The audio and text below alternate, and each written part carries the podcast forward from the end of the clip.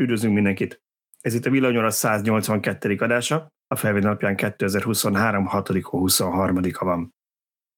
Kicsit régi új felállásban vagyunk itt, szerintem Szabolcs, egyszer voltál már biztosan podcastban, amikor egy élőt csináltunk, és te voltál a moderátor, erre emlékszem, azt nem tudom, hogy azon kívül meghívtunk, ha meg nem, akkor miért nem.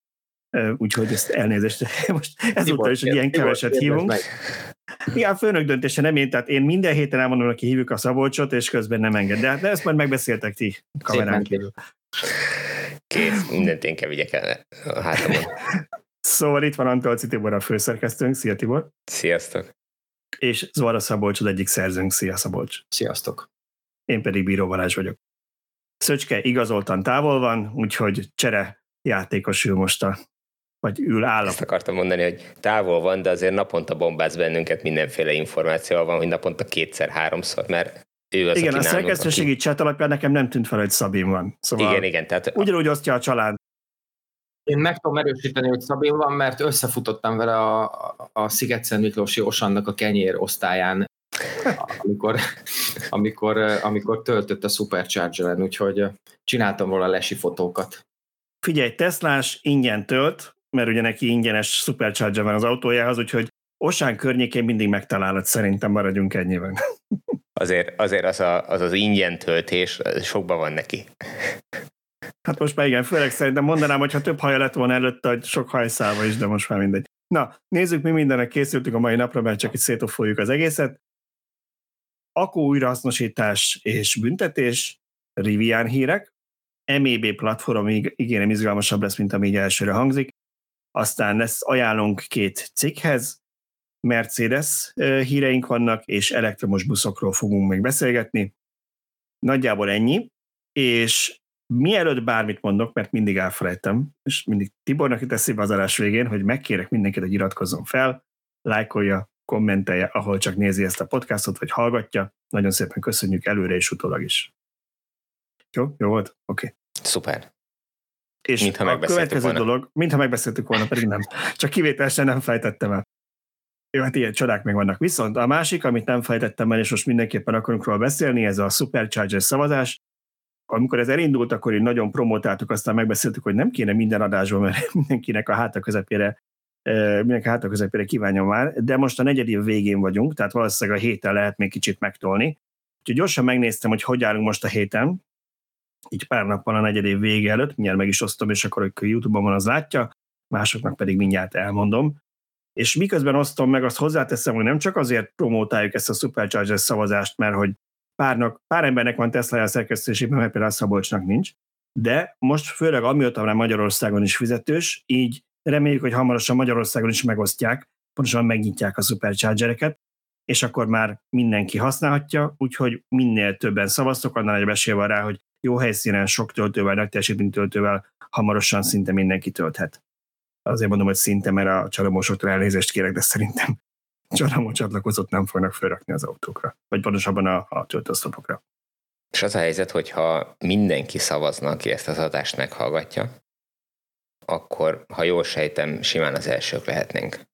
Hát olyannyira, hogy néztem, hogy a múlt heti podcastnál csak YouTube-on tízzel fölött voltunk már, ami YouTube-on rekordnak számít, úgyhogy bőven, bőven.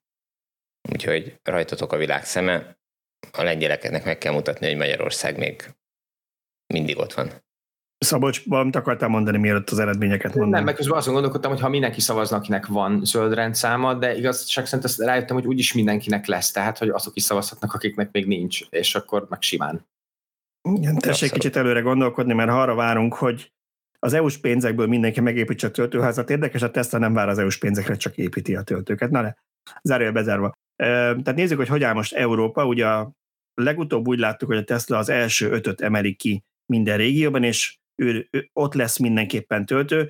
Azt mindig elmondjuk, hogy nagyon reméljük, hogy a többinél is azért úgy van, hogy felrakja a térképére házon belül, ha nem is fixre, de hát azért nagyon sok szavazat érkezik még a top 10-ben. Jelenleg úgy állunk, hogy az első három helyszínen lengyel városok vannak, az első hely az 7300 szavazat, a harmadik meg 6653, hogyha jól látom, és aztán van négy darab magyar, de ebből csak kettő, a negyedik, ötödik, Kecskemét és Szombathely, kvázi van garantált helyen, hogyha valaki nem löki ki őket. Füzesabony és Keszhely hiába vannak nagyon jó helyen, és ott vannak mögötte több mint 4000 szavazattal, 4400-4500-zal, ők már hatodik, hetedik hely, tehát a jelen tudásunk szerint nem garantált, hogy ott épít, építenek töltőt. Úgyhogy ha sikerülne egy ilyen 6800 vagy 7000 fölé tornászni ezt a négy várost, akkor minden négy biztosan megépülne. Ez a szolgálati közlemény része volt, úgyhogy tessék szavazni, ingyen lehet, csak egy Tesla fiókot kell regisztrálni. Oké, okay. na akkor beszéljünk az akku újrahasznosításról, pontosabban arról a botrányról és arról a hírről, ami a héten járt a körbe a magyar sajtót. Gyorsan összefoglalom, és majd be lesz a, a link hozzá. Szerintem nálunk nem volt róla még cikk, de a, mindjárt mondom, hogy honnan Nógrád megyei hírportálnak az oldaláról azért gyorsan felolvasok pár sort, és ott lesz a link a podcast leírásában. Úgy szól a hír, hogy 31 milliós bírságot kapott a Bátony terenyei újrahasznosító üzem, nem megfelelően tárolták a hulladékot, és annyira rossz volt a helyzet, amikor bementek ellenőrizni a szakemberek, hogy minden rendben van-e, meglepetés nem volt, akkor olyan súlyos a szennyezés, hogy ők is utána a bőrkűtéseket, meg egyéb problémákat tapasztaltak, tehát már aki csak arra ment hogy ellenőrizzen, ő is olyan hatásokra volt kitéve, ami egészen döbbenetes, torokkaparás, bőrkiütés, szájfájdalom, és akkor ott vannak még, akik ott dolgoznak, meg esetleg még amit ott kiöntögetnek akkor a talajba, meg a könnyező vizekbe, úgyhogy ez elég nagyon durván botrányos, és hát csak annyit röviden aztán Szabolcs szerintem neked volt erről egy-két érdekes gondolat, amikor beszélgettünk, én csak annyit tennék hozzá, hogy mindig elmondjuk, hogy mi maximálisan nyilván az akkugyártás, meg az akku hasznosítás mellett vagyunk, de nem így. Tehát ezeket nagyon szigorú szabályok szabályozzák, be kell tartani, be kell tartatni, ezek nem törvényszerű szennyezzenek, ha normálisan csinálják. Szabolcs? Uh, igen, én sokat foglalkoztam ezzel a héten. Uh, ugye ez a, nekünk is van, vagy hát lehet, hogy lesz erről cikkünk, ugye én már írtam erről, bent, bent van a szerkesztőségi rendszerben, és igazából ez egy, uh, amit a sajtó felkapott, ez egy tényfeltáró cikk alapján készült, amit az átlátszó uh, írt meg, és itt a, a, egy, egy, egy dél-koreai üzemről van szó, egy akkumulátor feldolgozó üzemről, aminek kettő telephelye van Magyarországon, e, egyik Sziget-Szent Miklós, másik Bátonyterenyén, és alapvetően egyébként a Gödi Samsung SDI, illetve a, a Komáromi SK-nak a, a selejtes akkumulátorait dolgozza föl. És talán ami ebben a szerintem, a, szerintem az egyik legborzasztóbb, hogy rengeteget beszélünk így is azokról a percepciókról, hogy az embereket mennyire zavarja az, hogy egyrészt ugye nem feltétlenül transzparensen működnek ezek a cégek, másrészt mennyire környezetszennyező módon működnek. És ugye erről a cégről azt kell tudni, hogy itt már történt tűzeset, itt már történt halálos kimenetelő üzemi baleset, sorozatosan ellenőrzik ezt a céget, és annak ellenére, hogy a büntetések azok egyre nőnek, tehát a büntetési tételek, valószínűleg nincs visszatartó ereje. Ugye a cikk az most arról szólt, hogy a Bátonyterenyi üzemben tartottak még márciusban egy ellenőrzést, egyébként tűzeset azóta történt, még pluszban, és ennek az ellenőrzésnek a hatására büntették most meg ezt a céget, több mint 100 tonna uh, ilyen, hát tulajdonképpen engedély nélkül és teljesen szabálytalanul tárolt veszélyes hulladéknak a, az össze-vissza tárolásáért 31,2 millióra, ami mind kiderült, tulajdonképpen meg se a cégnek, hiszen több mint másfél milliárdos nyereségük volt a tavalyi évben, és ez a 31,2 millió, ami nagy összegnek számít, de tulajdonképpen ezért a környezetkárosításért a kiszabható legmagasabb összeg. És beszélünk egy olyan cégről, aki egyébként több mint 2,8 milliárd forint vissza nem térítendő állami támogatást kapott, szóval végül is ki lehetne számolni, hogy hányszor lehetne megbüntetni őt minden nap, hogy még mindig nullán legyen. És igazából az a probléma ezzel, legalábbis az én, én véleményem szerint, hogy hogy abszolút nincs visszatartó ereje ezeknek a büntetéseknek, és ezek azok, amik erősítik az embereknek azon percepcióját, hogy, hogy egyébként az akkumulátor gyártásban meghalunk.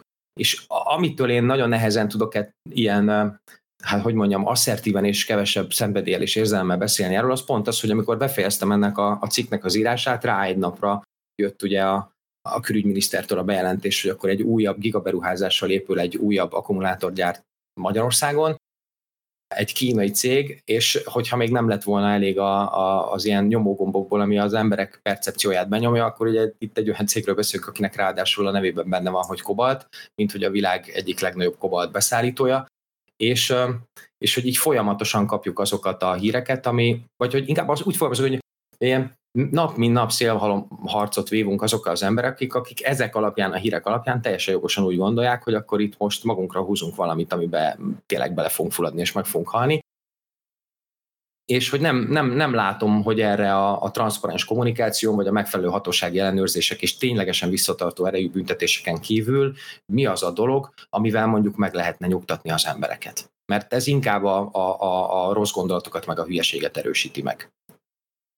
Hát és ráadásul ez a cég, amelyik most ezt az új telephelyet vagy új üzemet fog építeni, ez a 2010-es években valóban le is bukott azzal, hogy ilyen kézműves kobaltbányákból szerezte be gyerek munkárán a, a kobaltot, és állítólag, hogyha lehet hinni az interneten felelhető információknak, akkor az Apple telefonok 20%-ában is tőlük szerzett kobaltból készült a, az akkumulátor, tehát hogy... Igen, 2017-ig az Apple is tőlük vásárolt. Uh-huh. Igen, tehát hogy hogy azért nem egy, nem egy jó múltú cégről van szó. Állítólag jó útra tértek utána. Nyilván azért a, a, a hírek meg a, a, a névhez kötődő negatív információk azért ott maradnak az emberek fejében, meg az interneten pláne. Igen, hát alapvetően ezzel tényleg az a probléma, amit Szabolcs is mond, hogy nem is azt mondom, hogy a hülyeségeket erősíti, mert ezek valós veszélyek csak azt a képzetet erősíti, hogy az akkumulátorgyártás és újrahasznosítás az eredendően rossz, az szennyez, kizárójel, ilyenkor mindig elfelejtjük, hogy száz éve benzin és dízelmotorokat használunk, meg kőolajat termelünk ki hozzá, meg finomítunk, meg szállítunk, ami irdatlan mértékben szennyez folyamatosan, ilyenkor ez valahogy nem számít, mint hogyha a túloldalon tényleg ilyen, azt mondani szoktam, unikornisoknak a hajszálaival hajtanák, amit így eldobtak szegények, azzal hajtanák az autókat de ugyanakkor meg ez teljesen igaz, hogy ez teljesen elfogadhatatlan és tarthatatlan, és talán azt mondtad Szabolcs az adás előtt, hogy hogy talán ez a 31,2 millió vagy 32 millió ez a felső határa a büntetésnek, amit Igen. ki lehet szabni, te úgy tudod, ami hát döbbenetesen kevés összeg, még ha azt nem veszük hozzá, hogy hány milliárdot kaptak, meg mennyi a nyerességük, anélkül is, és ilyen szempontból írjam az amerikaiakat, ahol, ahol nagyon félnek az amerikai cégek általában az ilyen büntetésektől, mert ott ténylegesen a cég forgalma alapján százalékokban sok száz millió dollárt, meg milliárd dollárt tudnak kiszabni, úgyhogy lehet, hogy nem ártan nálunk is egy pici reform, mert ahogy mondott, különben, eh, különben senki nem fog bízni abban, hogy ezeket a cégeket megfelelően kordában tartják. Igen, alapvetően nem az a bosszantó, hogy, hogy olyan típusú gazdasági döntéseket hoznak országok, ami mondjuk munkát adhat az embereknek, illetve valóban a jövőbe fektetnek be, hanem az, ahogyan működik. Tehát például ennek a, ennek a cégnek a, a, a bátonyterenyei üzeme nem rendelkezik környezetvédelmi engedéllyel. És azért nem rendelkezik, mert hogy az, ahol működik, az a terület, azt ilyen eleve szennyezetnek nyilvánították, és ezért a helyi hatóságok nem gondolták azt, hogy akkor fontos, hogy itt ehhez külön kiadjanak, ezért ugye nem is készült semmifajta hatástanulmány, illetve nem tartották fontosnak ugye a különböző mintavételezési kutaknak a, a telepítését, tehát hogy tehát sokkal inkább az a probléma, hogy, hogy nem, mondjuk ezt nem tudom jól megítélni, de hogy azt érzem, hogy nincs megfelelő hatósági engedélyeztetési eljárás, nincs megfelelő hatósági működés, és igen, környezetkárosításért ez a 31,2 millió az jelen pillanatban a kiszabható büntetés felső határa. Tehát ez valószínűleg egy ekkora cégnél nem lesz elrettentő erejű soha. Valahogy úgy érzem, jól érzem, hogy a, a hatóságok asszisztálnak a környezet és az egészség, környezetszennyezéshez és egészségkárosításhoz? Hát ezt én így nem merem állításként nem merem kimondani, de, de szerintem az érzés jogos, és mindenképp kölcsönös. Tehát, hogy Ja, Magyar, Magyarországon ilyen biztos nem fordulhatna elő, de azért, azért azt szerintem már százszor elmondtuk, csak ismételjük meg újra, hogy mindig elmondtuk, hogy mennyire jó, hogy jönnek Magyarországra az akugyárak, meg az akújrahasznosító üzemek, és nem csak a munkahelyek miatt, hanem, hogy Szabolcs is mondta, mert ugye ezzel a jövőbe fektetünk, és olyan iparág lesz Magyarországon, ami évtizedekig ki tudja szolgálni az Európai Uniót, Magyarországot, nem fogunk függni annyira másoktól, ez mind tök jó, de hogy nagyon reméljük, hogy nem azért jönnek ide, mert itt azt mondták nekik, hogy majd nem nézzünk oda, és azt csináltak, amit akartok. És egyre inkább úgy néz ki, hogy, hogy ez történik. Ez igen, lehet, hogy nem is kell mondani, mert azt látjuk, hogy ez történik, és ez mindig azt gondolom, hogy a, amikor egy-egy ekkora cég befektetésre való alkalmas országot keres, akkor azért ez mintaként is szolgál. Tehát a következő is azt látja, hogy jaj, de szuper, ezt nálunk meg lehet csinálni, akkor megcélzom őt, és hát mi meg úgy néz ki egyelőre, hogy akár van hozzá infrastruktúránk, akár nincs tártkarokkal fogadjuk őket, sőt, még pénzt is adunk hozzá. Hát egy dolog lehet ebben pozitív ebben a stratégiában, hogy most nem nézünk oda, amíg fölépülnek ezek a gyárak. Utána úgyse lehet elvinni, és mikor már fölépültek, akkor azt mondjuk, hogy na, srácok, itt vannak a szabályok, ezeket kéne betartani, és akkor már kénytelenek lesznek betartani. Hogy ez jó stratégia vagy sem, ezt én nem tudom, de ez lehet az egyetlen pozitív kimenetel ennek a dolognak. Abszolút. Érzek némi élt a mondatból, és némi cinizmus, de az a baj, hogy tudod, ahhoz, ahhoz, hogy valami ilyen vicces legyen, ahhoz még az kell, hogy legalább legyen valami igazság magja, ami lehet poénkodni. Az a baj, hogy ez még lehet, annak se felel meg, mert kérni az elnézésedet egy Foxconn vagy Flextronics, fogalm sincs, valami hasonló nevű cégnek volt egy nagy gyára dél Magyarországon, amit megépítettek azért, hogy a Microsoft Xboxhoz gyártsanak ott, vagy komplet gépeket, vagy valami alkatrészt. Aztán úgy döntöttek, mikor megépült, hogy összepakolták az egészet, és elvitték máshol, nem tudom már miért. Szóval még az se igaz, hogy ezeket nem lehet elvinni, mert ha valahol építenek egy megfelelő nagy csarnokot, ezeket a gépeket, a gépsorokat teherautóra lehet tenni, és el lehet vinni nem hiszem, hogy ezt tennék, mert azért ez egy gyárnak sem az érdeke. Valószínűleg, hogyha lenne egy, egy tényleg olyan büntetés, hogy azt mondja, hogy napi 31 millió, vagy, vagy, vagy napi 100 millió, amíg nem bizonyítják, hogy... Hát vagy bevétel arányos tényleg. Igen. Hát igen, de valószínűleg így, hogyha ez így marad, akkor nagyon sokáig nem fog még eléggé fájni. Tudjátok, van az az attitűd, hogy előre kérek engedélyt, vagy utólag elnézést, és én nagyon sokszor azt, azt látom, hogy ezek a cégek inkább az utóbbit alkalmazzák, legalábbis velünk szemben. Én nem látom, hogy elnézést kértek volna, de legyen úgy. Még nem. Még nekünk sem fáj eléggé, hiszen ide engedjük őket. Igen, és még azt hozzá, hozzátenném, hogy, hogy ez a cég, amelyikről most itt szó van, Európában talán a legnagyobb akkumulátorföldolgozó, vagy ha nem is a legnagyobb, de az egy, talán North volt nagyobb náluk.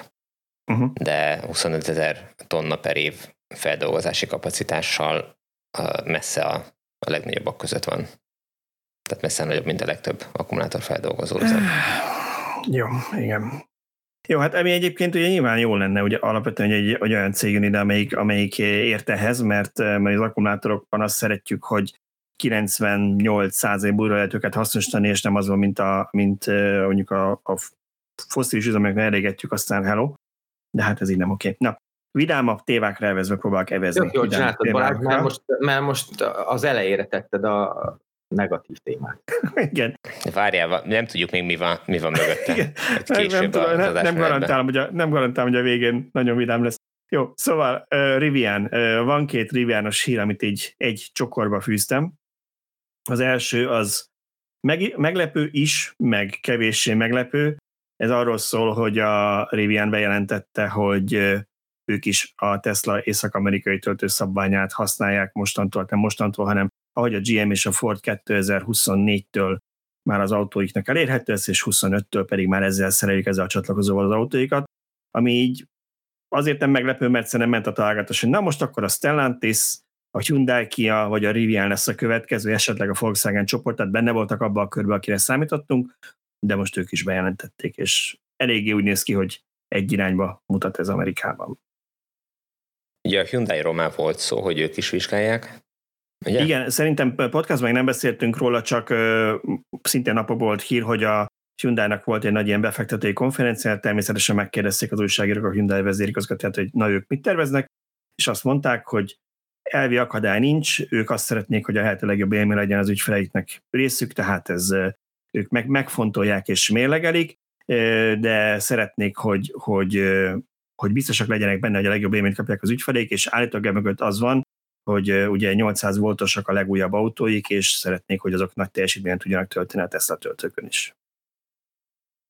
Miközben tudjuk, hogy ugye a mostani Tesla töltők azok 400 voltosak, illetve talán 500 voltig is föl lehet őket tekerni, tehát hogyha... Hát igen, a, ugye ezek a, a dobozok, amik kiszolgálják, azok mindenképpen bírják, a, az oszlopok meg, ha jól emlékszem, azok 1000 voltig vannak hitelesítve, tehát az, igen, tehát azt 500 voltig a, a kiszolgáló egység, és maga, maga az oszlop, ha jól emlékszem a táblára, az meg ezer volt, úgyhogy elveg bírnie kéne. Én egy picit Igen. ezen úgy próbáltam elmékedni, hogy milyen áramerősség, milyen volt kombinációk. Az a kérdés, mit bírnak a Hyundai autói, szerintem. Igen, pusztán matematikailag ki lehet hozni azt a, azt a teljesítményt, amit a, a Hyundai igényelne. Most az a kérdés, hogy a, a Hyundai-ban lévő DC-DC átalakító, vagy az a rendszer, ami ott azt a 400 voltos bejövő töltést azt 800 voltos rendszerre átkonvertálja, az mit bír, hogyha ha, ha az 500 volton föl tudja venni a, mit tudom én, 200 amper körüli teljesítményt, vagy ahhoz közeli teljesítményt, akkor vagy áramerősséget, akkor,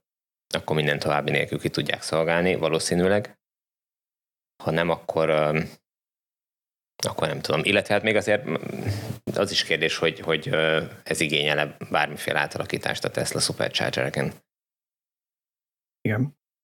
De ha már a Riviáról, beszéltünk, beszéltünk, beszéltünk a Hyundai-ról is, a Rivian kapcsán volt egy talán ennél még izgalmasabb hír, ami minket jobban érint, mert nem Észak-Amerikában lakunk.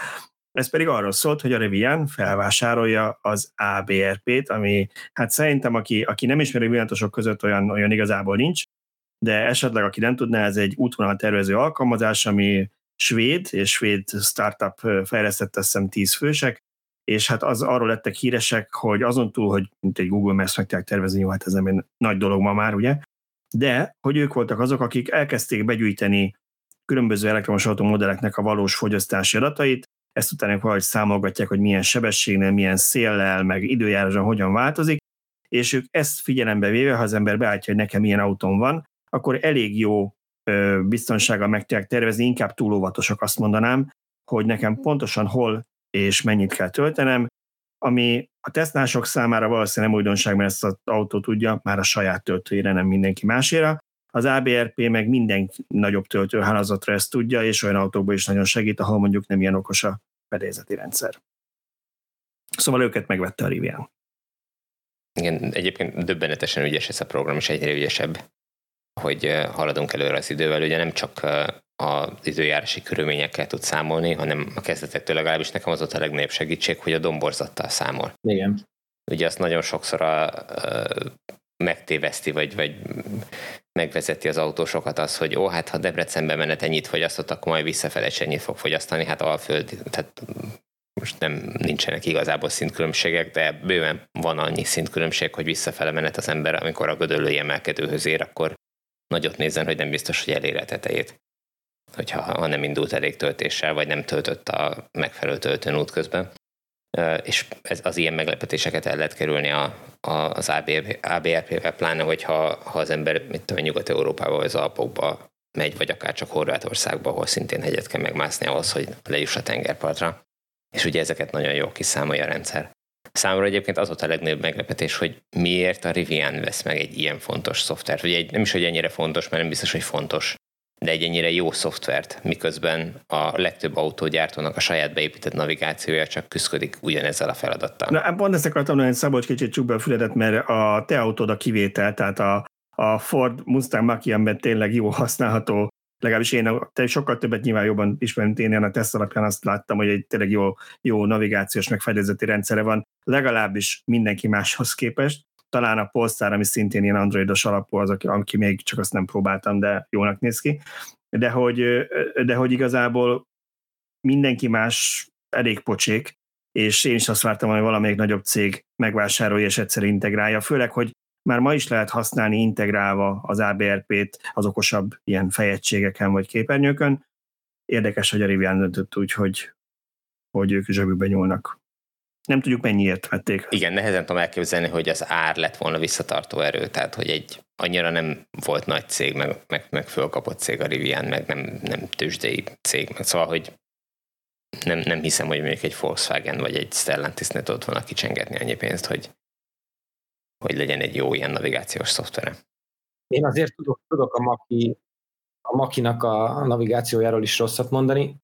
Én azt nem értem soha, vagy hát nehezen értem meg, hogy, hogy persze azt értem, hogy ez lehetséges beviteli forrás, de hogy az autógyártó minek minek pocsékol el egy csomó erőforrást, meg egy csomó pénzt, meg egy csomó időt, azzal, hogy fejleszem valamit, amit aztán nem babusgat, meg nem fejleszt tovább, miért nem bízza mondjuk ezt eleve egy olyan külső cégre, akik nagy valószínűséggel olyat fognak fejleszteni, ami minden felhasználónak kompatibilis. Tehát hiába van a Makiba is mondjuk egy tök jó navigációs rendszer, alapvetően nem frissül olyan ütemben, főleg nem a töltőhálózatok tekintetében, mint ahogy akár nálunk is telepítik a töltőket, pedig aztán nálunk a töltőtelepítés nem gyors, és így is a felhasználók nagy része az azonnal egy kiterjesztett, nem tudom, Android autót vagy CarPlay-t fog használni, ami egyébként a marketing anyagban is benne van, hogy de szuper, nálunk vezeték nélkül is ilyet is használhatsz, de hogy akkor meg minek? Tehát, hogy ugyanaz a küzdködés van, mint régen, hogy ebbként nem tudom, 600 ezer vedd meg pluszba a, a, a navigációs rendszert, és aztán majd évente 70 ezer éved meg hozzá a CD-ket.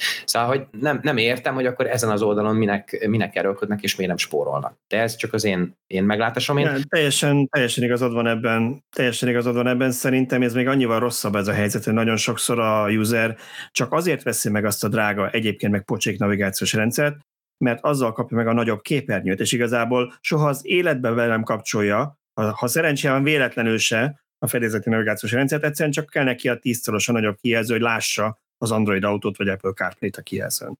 Hát ennél most rosszabb a helyzet, mert ugye ahhoz, hogy rosszabb. a villanyautó fölfűtse... Ezt kellett volna föl... végére tennem, és akkor nagyon vidám lett volna a lezárás.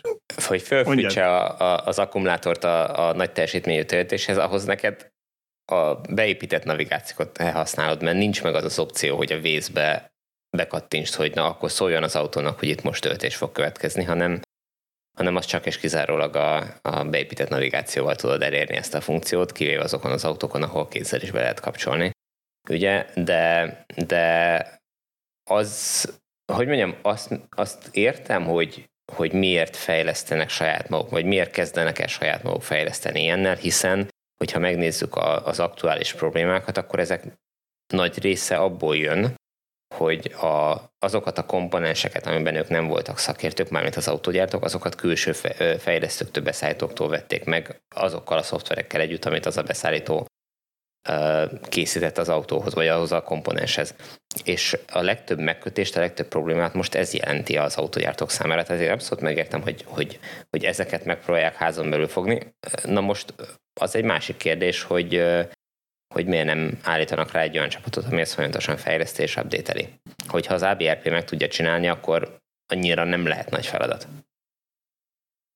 Egyébként tudod, hogy ki, ki jár ezzel az egészen mindig a legjobban, ezen gondolkoztam, hogy a TomTomnak meg a hasonló cégnek a részvényéből kellett volna bevásárolni. Gondolj bele, hogy egy olyan terméket fejlesztenek, amit senki nem használ egy percig se, de eladják a Volkswagennek meg a többi nagy gyártónak, és minden autóba beépítik.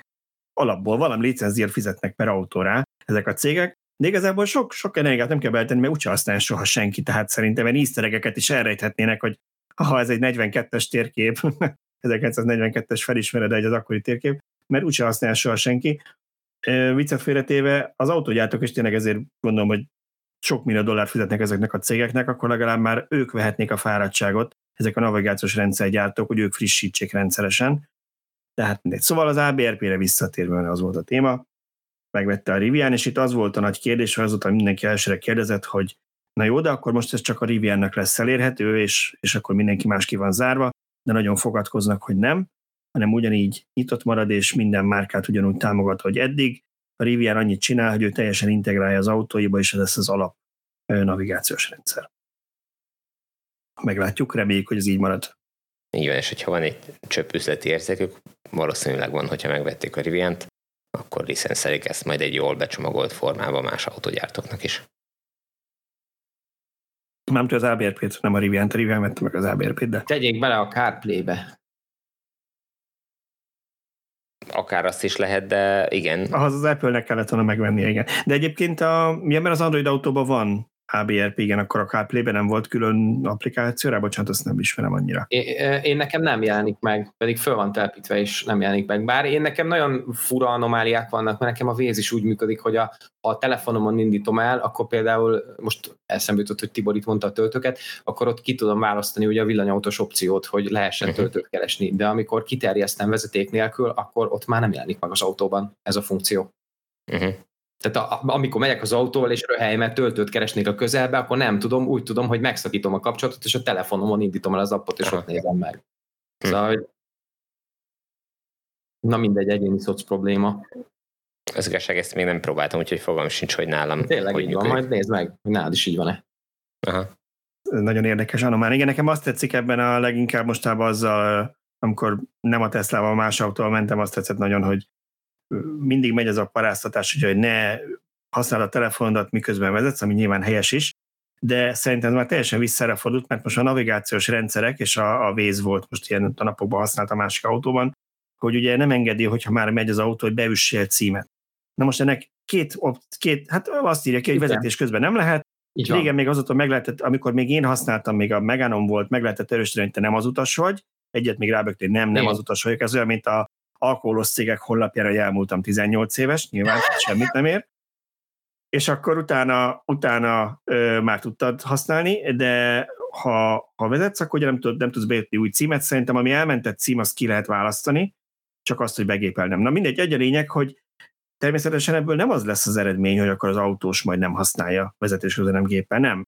Hanem még 5 percig próbálkozik, hogy valahogy működésre bírja, mert szeretne eljutni valahova, és 5 percig sokkal jobban elvonja a figyelmét az útról, az, hogy akkor jó, akkor le kell csatlakoztatnom az autóról, mert ha csak a kezembe van a telefon, akkor engedi, hogy beüssem, ha visszarakom a, a képernyőre, akkor nem, tehát először, és akkor ezzel szórakozik, miközben már három gyalogosan ment át. Szerintem sokkal veszélyesebb, mint ha azt a fél percet engednék, hogy beüsse, vagy mondjuk működne normálisan a hangvezérlés, de ezzel messzire, messzire. Annyira nem is messzire lesz, egy Mercedes-es sírünk, amihez kapcsolódik, de az még Ami szintén működött régen, jó néhány évvel ezelőtt is, amikor még Android autót használtam, simán be tudtam mondani akár a Véznek, akár a Google térképnek magyarul a címet, hogy hová szeretnék menni. Ma 90%-ban magyarul nem érti meg. Igen, mert az Android ezt jól csinálja, a szövegfelismerést, legalábbis a Google Maps-en. Hogyha mondasz egy, egy magyar uh, utcanevet, házszámot, akkor azt viszonylag jól felismeri. A Waze meg a, illetve hogyha az Apple-nek a saját hangfelismerését használod, akkor az, az, az, az nem nagyon működik. Az nem, de ehhez képest meg akár SMS-t írok, akár e-mailt írok, akár bármit írok, és az Apple-nek hanggal diktálok, azt meg gyakorlatilag hiba nélkül megcsinálja. Mm, azt egész jól De a magyar címeket azt, azt igen. Kossuth Lajos utcát azt nem ismeri föl. Android jól csinálja, erőt eszembe a tavalyi Megán tesztem, ahol ugye Android, Android Automotive fut az autón, ami nem az Android Auto, hanem uh-huh. az mhm. autógyártóknak adott operációs rendszer gyakorlatilag, és a telefon az, az értette szerintem, jól emlékszem, felismerte, ha magyarul ö, próbáltam címet beállítani, de hogyha mondom, hogy tök jó, hát nem kell akkor telefonnal szórakozni, hanem tényleg az autóba integrált Androidon futnak ezek az appok, elindítom a Google Maps-et, és akkor van az, hogy magyarul beolvassa azt, így gyönyörű magyar akcentus, hogy sorry, something went wrong. De halál komolyan így. Komolyan? Halál komolyan, igen. igen. Azóta hát találkoztam ezzel, mert a Chromecast is ugyanezt csinálja, hogyha magyar nyelven van állítva az a Google-nek a televíziós története, hogyha magyar nyelven van állítva, és YouTube-on valahol valamit keresni, akkor ugyanezt így beolvassa egy magyar akcentussal. Szóval egy picit még reszelgethetnének a különböző gyártók ezeken az alkalmazásaikon, ez a történet lényege. Az én szomszédom mindig azt szokta mondani, hogy nem érti, hogy a magyar nyelv az miért nincs benne ezekben a szoftverekben, amikor a finn benne van, és ők lényegesen kevesebben vannak, mint a, mint a magyarok, és a finn az mindig van, hogy benne van. Ráadásul arra beszél, hogy benne van. Tehát hogy lehet, hogy akkor magyar nincs? Ezt akartam mondani, hogy benne van a finn, akkor a magyar az már így ennyi, mert nem, hát az ilyen pikpak, így mert szinte megértjük, amit a finnek mondanak. És ugye teljesen igaza van a szomszédodnak. Teljesen igaza van. Egyébként igen, mert Finnország azt hiszem 5 millió körüli. Ne kérdezzétek, honnan tudom. Jó, ö, És abból is négy rénszárvas, mi? Na jó, most már tényleg az EU-ból is kizárnak minket miatt a Tibor, úgyhogy menjünk tovább MEB platformos híreinkre. És itt most direkt azért MEB platform szerepelt a címben, mert, vagy a, a fejezet címünkben, mert Ford és Volkswagen híreink vannak. A Fordot azt félig meddig átdobnám szerintem Szabolcsnak, mert ő írta meg a hírt, aminek az volt a felütése, hogy most már végre Magyarországról is rendelhető az új Ford Explorer, ami a Fordnak az első MEB platformra épített teljesen elektromos autója, amit a Kölni gyárukban kezd, kezdtek el gyártani pár napja.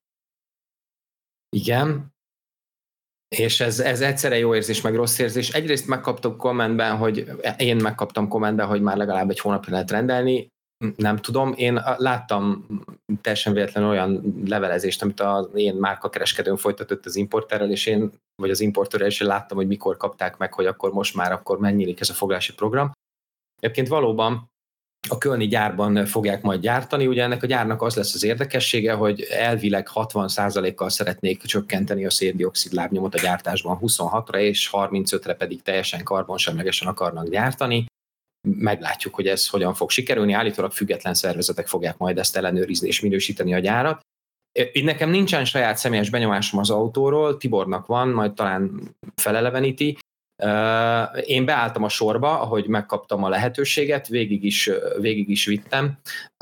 Tényleg tök egyszerűen lehet erre regisztrálni. Tulajdonképpen ez a, ez a regisztráció, az előregisztráció, ez arról szól, hogy, hogy hamarabb lehet kipróbálni, hamarabb nyílik meg a rendelési lehetőség. A Ford most azzal próbálkozik, nyilván ez a modellnek valami fajta pozícionálása, hogy valami fajta várólistát generáljon az autóra, és, és tényleg az első száz, ezer, nem tudom hány ezer ember akit regisztrálnak egy bizonyos ideig, ők rendelhessenek pusztán csak az autóból, akár már ugye idén ősztől, és ezeket viszonylag gyorsan, hogyha Kölnben le tudják gyártani, akkor le is fogják tudni szállítani. Szóval én beálltam a sorba, egyébként megnéztem, és azért vagyok egy picit csalódott, nem lesz jó, úgyhogy lehet, hogy majd szöcskével lakót kell cserélnünk, mert ezzel az autóval maximum 1200 kg lehet majd vontatni, legalábbis az összkerekes verzió, úgyhogy nekem nem jó, az én lakókocsim 1300 kg, szóval nem jó ez se, bár remélhetőleg LFP akku lesz benne, és akkor egy kicsit könnyebb lesz, de tök mindegy, ha nem húzhatok vele annyit.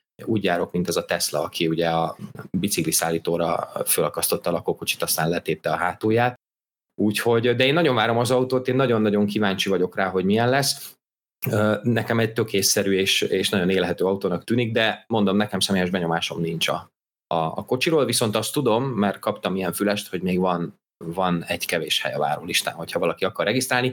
Fontos, hogy ez nem jár automatikusan rendelési kötelezettséggel, viszont ha megérkeznek az első autók, akkor, akkor ezek a vásárlók lesznek először fölhívva, hogy elmehetnek akár kipróbálni, tesztvezetni, konfigurálni, stb.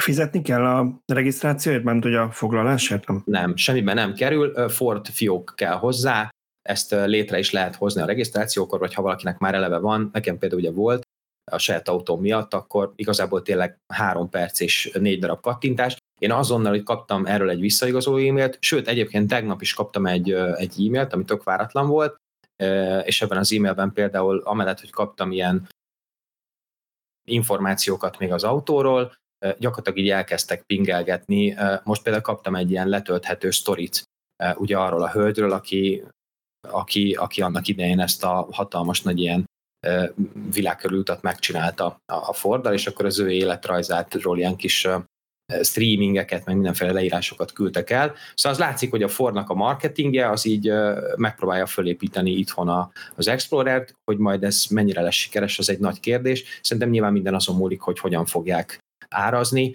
Azért az utóbbi időben, nem, nyilván nem csak elektromos autókról beszélünk, a Fordnak nem feltétlenül sikerült a lehető legjobban a, a, az európai árazás politikája, vagy akár a, a különböző modelleknek a leg, legsikeresebb modelljeinek a kivezetése. Úgyhogy szerintem ők, ők azért nem árt, hogyha Európában tényleg villantanak valamit, és talán erre ez az autó jó lehet. Maga az autó fizikailag tökéletes. Most egy jó kérdés, hogy a 19 millió forintos kezdőár, ami hogyha nem tudom, nagyobb akkumulátor extrát, nem tudom, meddig 20x millióig fölfut, akkor az mennyire alkalmas erre a feladatra, de ugye úgy van megfogalmazva a képen a youtube-osok kedvéért mondom, hogy uh, látható, most Balázs hitett egy képet, amin az van, hogy ajánlott bruttó kezdőár kevesebb, mint 19 millió forint. Tehát, És Tibor, hogy... szerinted ez nem 18 millió 990 ezért fog jelenteni? Csak hagyd kérdezem meg, hogy mennyire vagy naív nem, nem naív vagyok, én azt látom ebben, hogy menekülő útvonal van, hogy ők 19 millióra árazzák a mostani tudások szerint uh-huh. az autót, de hogyha netán, mit tudom én, érkezik még három másik vetétástól egy-egy átcsökkentés, vagy egy, mit tudom én, valami olyan akció, ami, ami miatt ők ezt kénytelenek lesznek 17 és fél ér adni, ahhoz, hogy egyáltalán elmenjen, akkor itt benne van a lehetőség. Szerintem itt mindig külön kell azt választani, hogy, hogy milyen motivációkból vesz valaki egy márkát. Tehát van az, aki a Fordot szereti. Van az, akinek ez az autó valamiért nagyon tetszik. Nem azt mondom, hogy ők bármennyit kifizetnek érte, nyilván nem, mert azért kell egy észszerű határ, de ha ott egy-két millióval drágább egy vetétás, akkor ő meg fogja magának magyarázni, hogy ez az autó miért felel meg jobban az igényeinek, pedig közben csak jobban tetszik neki, vagy márkahű, és ez teljesen normális, ez minden márkánál így működik szerintem. Itt az a kérdés inkább, hogy ez az, ez az ár, ez mindenki más szempontjából, aki mondjuk tényleg hogy mondjam, semlegesen válogat több típus között, mert annyira nem érdeklik az autók, vagy, vagy, vagy lehet, hogy, hogy van más típus, ami tetszik neki, ahhoz, ahhoz elég versenyképese. Hát tekintve, hogy most minden autó nagyon drága, még akar is lehet, hogy igen, de azért nem robbant akkor át ez az ár, mint amikor emlékezzetek vissza, pár hete beszélgettünk a Volvo XC30-ról. Tudom, az egy kisebb hmm. autó valószínűleg, mint ez, az ugye az egy Kona méretű kb. 4,2 méter, ez szerintem annál picit nagyobb. De, de azért annak az a 14,5 milliós kezdőára, igaz, hogy a kisakúval meg minden, de az nagyon nagyot szól. Ez a 19 millió azért annyira nem szól nagyot, mert ez, ebben az árszinten elég nagy a verseny, elég nagy a kínálat. Ettől még lehet sikeres. Így van, így van, így van. Úgyhogy uh, én bízom benne, hogy a, a, a végső áramért ezt valóban el lehet hozni, az ennél kedvezőbb lesz egy kicsit, mert meglátjuk. Hát a Fordnak föl kell kötni a gatyát, mert uh, ugye ők nagyon sok modellt ígértek be 2025-2026-ra, és egyelőre én személyesen nem látom, hogy pontosan mi a, a stratégiájuk, hogy fogják fölépíteni. Ugye a, a, a, Makit is annak idején elmérték, úgy gondolták, hogy az amerikai piac nem is fog felszívni annyit, aztán meg mégis. Az F-150-et, amin adott esetben akár kereshetnének pénzt, azt, azt egyáltalán nem akarják hozni Európába, most azt hiszem talán a svédeken kívül.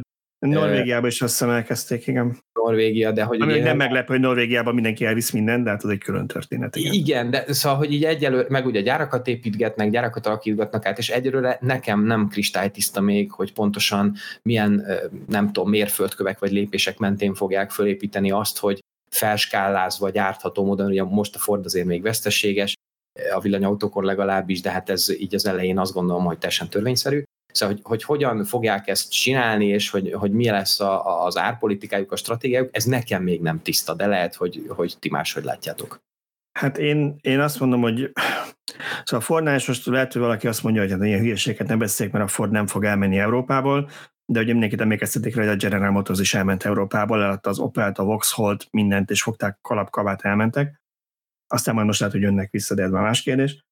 A Fordnál én még mindig azt láttam, hogy rezeg a léc, és valószínűleg ezt így nem mondhatják ki, de mérlegelnek. És azért mondom ezt, mert Jim Fardy-t én egy nagyon racionális vezetőnek látom, sőt engem meglepnek a döntése olyan szempontból, hogy általában egy olyan vezetőtől várod ezeket a döntéseket, ezeket a nehéz döntéseket, aki házon kívülről jött, uh-huh. és mhm. ő már azért 15 éve a Fordnál van, és érzelmileg nem kötődik, nincsen lekötelezve. Ő könnyebben mondja azt, hogy azt a szlovák, vagy ukrán, vagy most ukrán pont nem, de bármilyen országban lévő gyárat megszüntetem, mert, mert ő azt mondja, ez racionális, nem kihasznált, ebből a piacról kivonulok, és ezt nagyon kevésszer szokták olyan vezetők meglépni, akik bele vannak így ágyazva a cégbe, mert túl sok mhm. ezer szállal kapcsolódnak.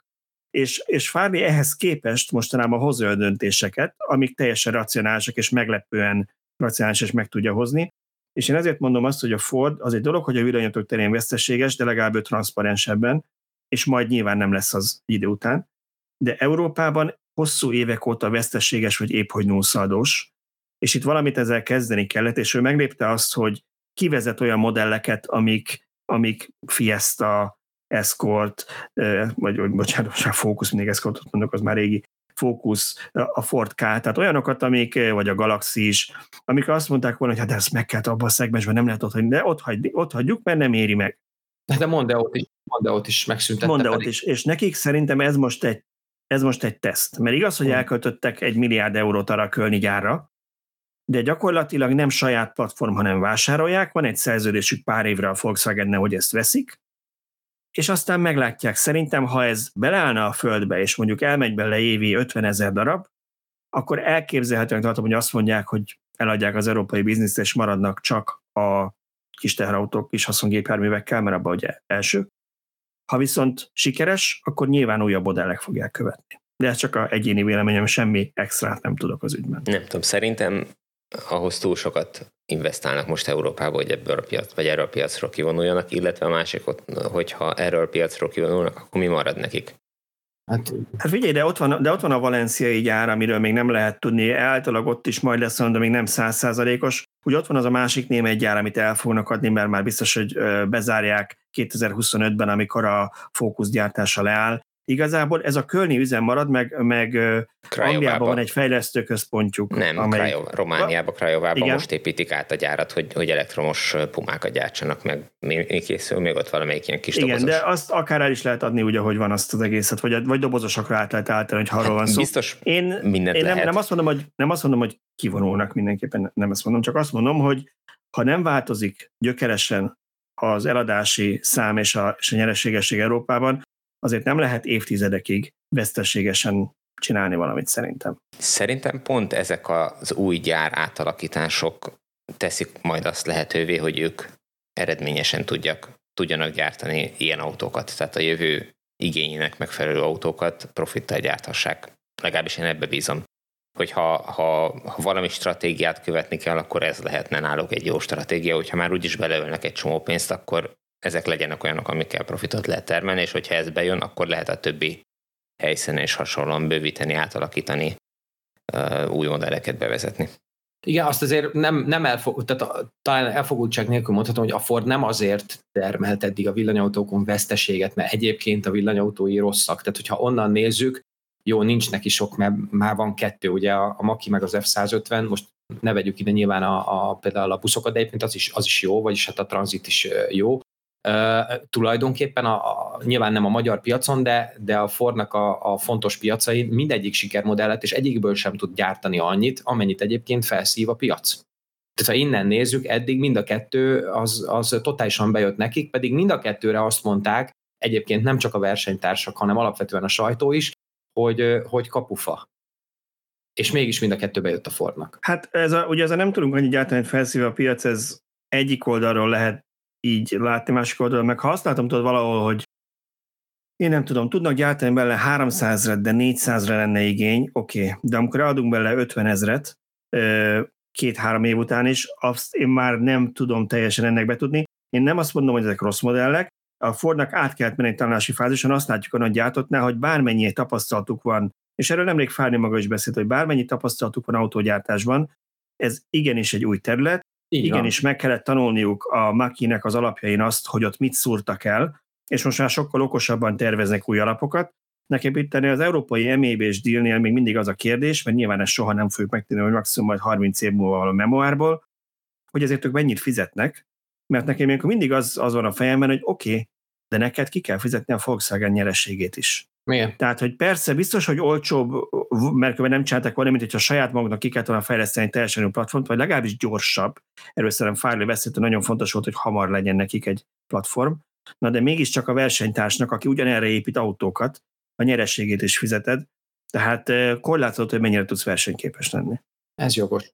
Nekem szimpatikus a fickó egyébként, mert ilyen meglepően őszinte ebben a, ebben a világban, hogy aztán ezt a részvényesek meddig fogják tolerálni, az egy kérdés. Igen, ez egy jó kérdés, de egyetértek, igen. Nem tudom, én nem, én nem látom akkor a problémának ezt az MLB platform licenszelést, mert uh, teljesen meg tudják spórolni a fejlesztést, ami irgalmatlanul nagy költség. Tehát, hogyha azt, azt a két cég szétdobja egy saját maga között, akkor ez win-win lehet. Nyilván nem tudjuk a számokat, és minden az apró részleteken múlik, de, de ez akár lehet egy jó díl is. Hát ami viszont mindenképpen jó díl a Volkswagen-nek az MV kapcsán, ért, érzitek, az az, hogy Abszolút. átlépték az egymilliós, egymilliós darabszámot az MV platformos autók. Én ezt úgy érzem, hogy ez valószínűleg a saját autóikat jelenti, most nyilván technikailag hozzá lehet venni a, a Fordot is, de hát ott ugye június közepén kezdődött a gyártás, tehát az az öt hát darabot. Még majd 50 a... Igen, tehát nyilván, nyilván idén, idén valószínűleg nem lesz abból nagyon sok, de jövőre reméljük, hogy már sokkal többet tudnak gyártani Kölnben. Na de hogy a Volkswagen márkái között én összeszámoltam, most szerintem, ha nem vagyok nagyon béna, akkor még el is tudom keresni a, a cikkből, vagy nem, igen, 13. hogy hány, 13 típus számoltam össze, ami, ami MEV platformos a Volkswagen és már gyártásban van, mert ugye van még egy pár, amit még várunk. Technikailag persze abban már MEB Plus, meg MEB Entry modellek is lesznek az új fejlesztésekkel, de alapvetően már most 13 típus van, és gyakorlatilag minden márkájukból, úgyhogy ilyen szempontból papíron tényleg teljesítették azt, amit elvártak ettől, hogy a Skodáktól a luxus Audikon át, vagy a, a drágább prémium Audikon át lehetett skálázni ezt a platformot, és nagyon sok modellre ott volt, és különböző köntösökbe lehetett adni. És el lehet még mindig. És ha belegondoltok, nem olyan rossz szám ahhoz képest, hogy viszonylag, mondjuk egy Teslahoz képest viszonylag későn érkezett ez a, ez a platform. Um, ahhoz képest nem olyan rossz ez, és feltételezem, hogy egyre gyorsul a gyártási ütem. 19. november 4-én indult, ezt konkrétan tudjuk a gyártás. Te akkor kin is voltál ezen, nem? Amikor Angela Merkel megnyomta a gombot. Igen. Kint voltam itt a Honvéd kórháznak a műtőjében. Ja, bocsánat, akkor vagy, vagy úgy emlékeztem, hogy kim voltál, vagy, vagy valami képeket között, de lehet, hogy később voltál ki a gyárban. Mert voltál kint, mert vannak saját fotóink valahogy nem, a Nem voltam, a nem voltunk, nem voltunk, nem akkor voltunk, csak meg voltunk, csak meg voltunk hívva, és meg voltunk hívva, és hát na, indulás előtt rollereztem egyet, úgyhogy... Ja, az akkor volt, igen, emlékszem. Az első podcast felvétel, vagy második, igen, mert az igen. volt a röntgenképes számnélünk. Na mindegy, de hogy vannak saját képeink Volkswagen gyárból, úgyhogy valamikor szerintem már valahogy vagy voltál kint, vagy szerezünk. Minden. Ne, az, nem voltunk. Akkor, akkor valahonnan vannak képeink, valahonnan vannak képeink egy kékszírű ID3-val, de ezt akkor valahonnan loptuk. Szóval 2019. november 4-én indult az ID3 gyártás, ez az első az, a platformon. Ugye most van 23 közepe, úgyhogy ez három és fél év, picit mondjuk nettó három és fél év, az alatt gyártottak le egy millió autót. Igen, volt közben egy Covid, amikor kaptak egy majdnem egy évnyi lehetőséget, hogy a szoftverfejlesztéssel beérjék a gyártást. Igen, az nagy tasli volt. Tehát, hogy az, az, az kiesik ebből, úgyhogy Ilyen szerencsé, más gyártót nem érintett a covid -ak. Ne, ne, most nem erről van szó, nem erről van szó, csak hogy ez, ez pont a felfutási szakaszban persze, érte. Persze, meg ami... igazából ez a, ez, a, ez a 19 november 4, ez, ez egy pici csillagot tegyünk oda mellé, mert ez pont olyan, mint hogy a Tesla Model 3-at 17 júniusában kezdték el gyártani, aztán az első fél évben az ismert problémák miatt valami 1900 vagy 2000 darabot gyártotta. 1900 adtak és 2500-at gyártottak le, szóval ilyen homopátiás mennyiségben. Igazából annak a modellnek a gyártása 18 Q1-re tehető szerintem, amikor elkezdődött, a Volkswagen-nél és 2020 szeptemberében kezdték csak kiszállítani az autókat, tehát valamikor 2020 nyarán pörgött úgy fel ez a gyártás. Úgyhogy ahhoz Igen. képest nem rossz, három év alatt. Akkor már biztos hát megtérült a fejlesztése. Itt, itt inkább az a, az, a, az a kérdés, meg az az érdekes ö, elgondolkodtató dolog, hogy megéri-e ennyiféle modell felé szétszórni ezt az egymillió darabot? Tehát, hogy ez... Hát megvan ez... rá válasz, mert Oliver Blume tervéről ugye múlt héten beszélgettünk, hogy nem, mert ugye az egyik terve az, hogy visszanyesi a modell számokat, a darabszámokat, vagy a variációs számokat a különböző márkáknál, és egy helyen fognak készülni a testvérmodellek is, tehát valószínűleg nem lesz ennyi külön variáns. Oké, okay, csak összességében, hogyha ha akkora nagy igény van az elektromos autókra, hogy van olyan modell, amit, amit már évek óta gyártanak, és még mindig el lehet évente több százezeret adni belőle, akkor van-e létjogosultsága annak, hogy egy másik platformra 13 különböző modellt gyártsanak úgy, hogy ne adjanak el még csak összesen se, vagy mit tudom, összesen nagyságrendileg hasonló mennyiséget adjanak, vagy tök mindegy, hogy hogy nézzük, de hogy, hogy itt nem arról van szó, hogy azért, mert többféle formában árulják ugyanazt a platformot, amiatt sokszor annyit tudnak eladni belőle, erről szó nincs hanem, hanem így tudnak mondjuk, hogyha nagyságrendet nézzük, akkor közel annyit eladni, mint a másik autóból, amiből csak egyetlen egy variáns van. Tehát, hogy nem tudom, mennyire érthető a, a, a felvetése meg a problémám, hogy, hogy a mai világban, amikor egy ilyen új technológiát bevezetnek, akkor, akkor eljött-e az idő arra, hogy ennyire szétaprózódjon a, a termelés, vagy, vagy célszerűbb lenne esetleg egy, egy modellre fókuszálni, vagy kettőre, tehát hogy néhány, néhány típus variánsra. Hát nekem most nem jutott eszembe, hogy te szoktad mindig igen. mondani, hogy ha, ha az utcában már mindegyik autó Model 3, akkor az baromi unalmas lesz. Megfogtál. De nem akartam egy return adni, csak hogy valamiért ez eszembe jutott, nem, már nem Nyilván, Azért olyan szempont van rációban, amit a Volkswagen csinálva, össze kicsit túltolták, de erre szoktam mondani a BMW példát, hogy már nincsen be, betű az AVC-ben is olyan szám, amire még nem lenne BMW típus, eh, ahhoz képest régen mi volt.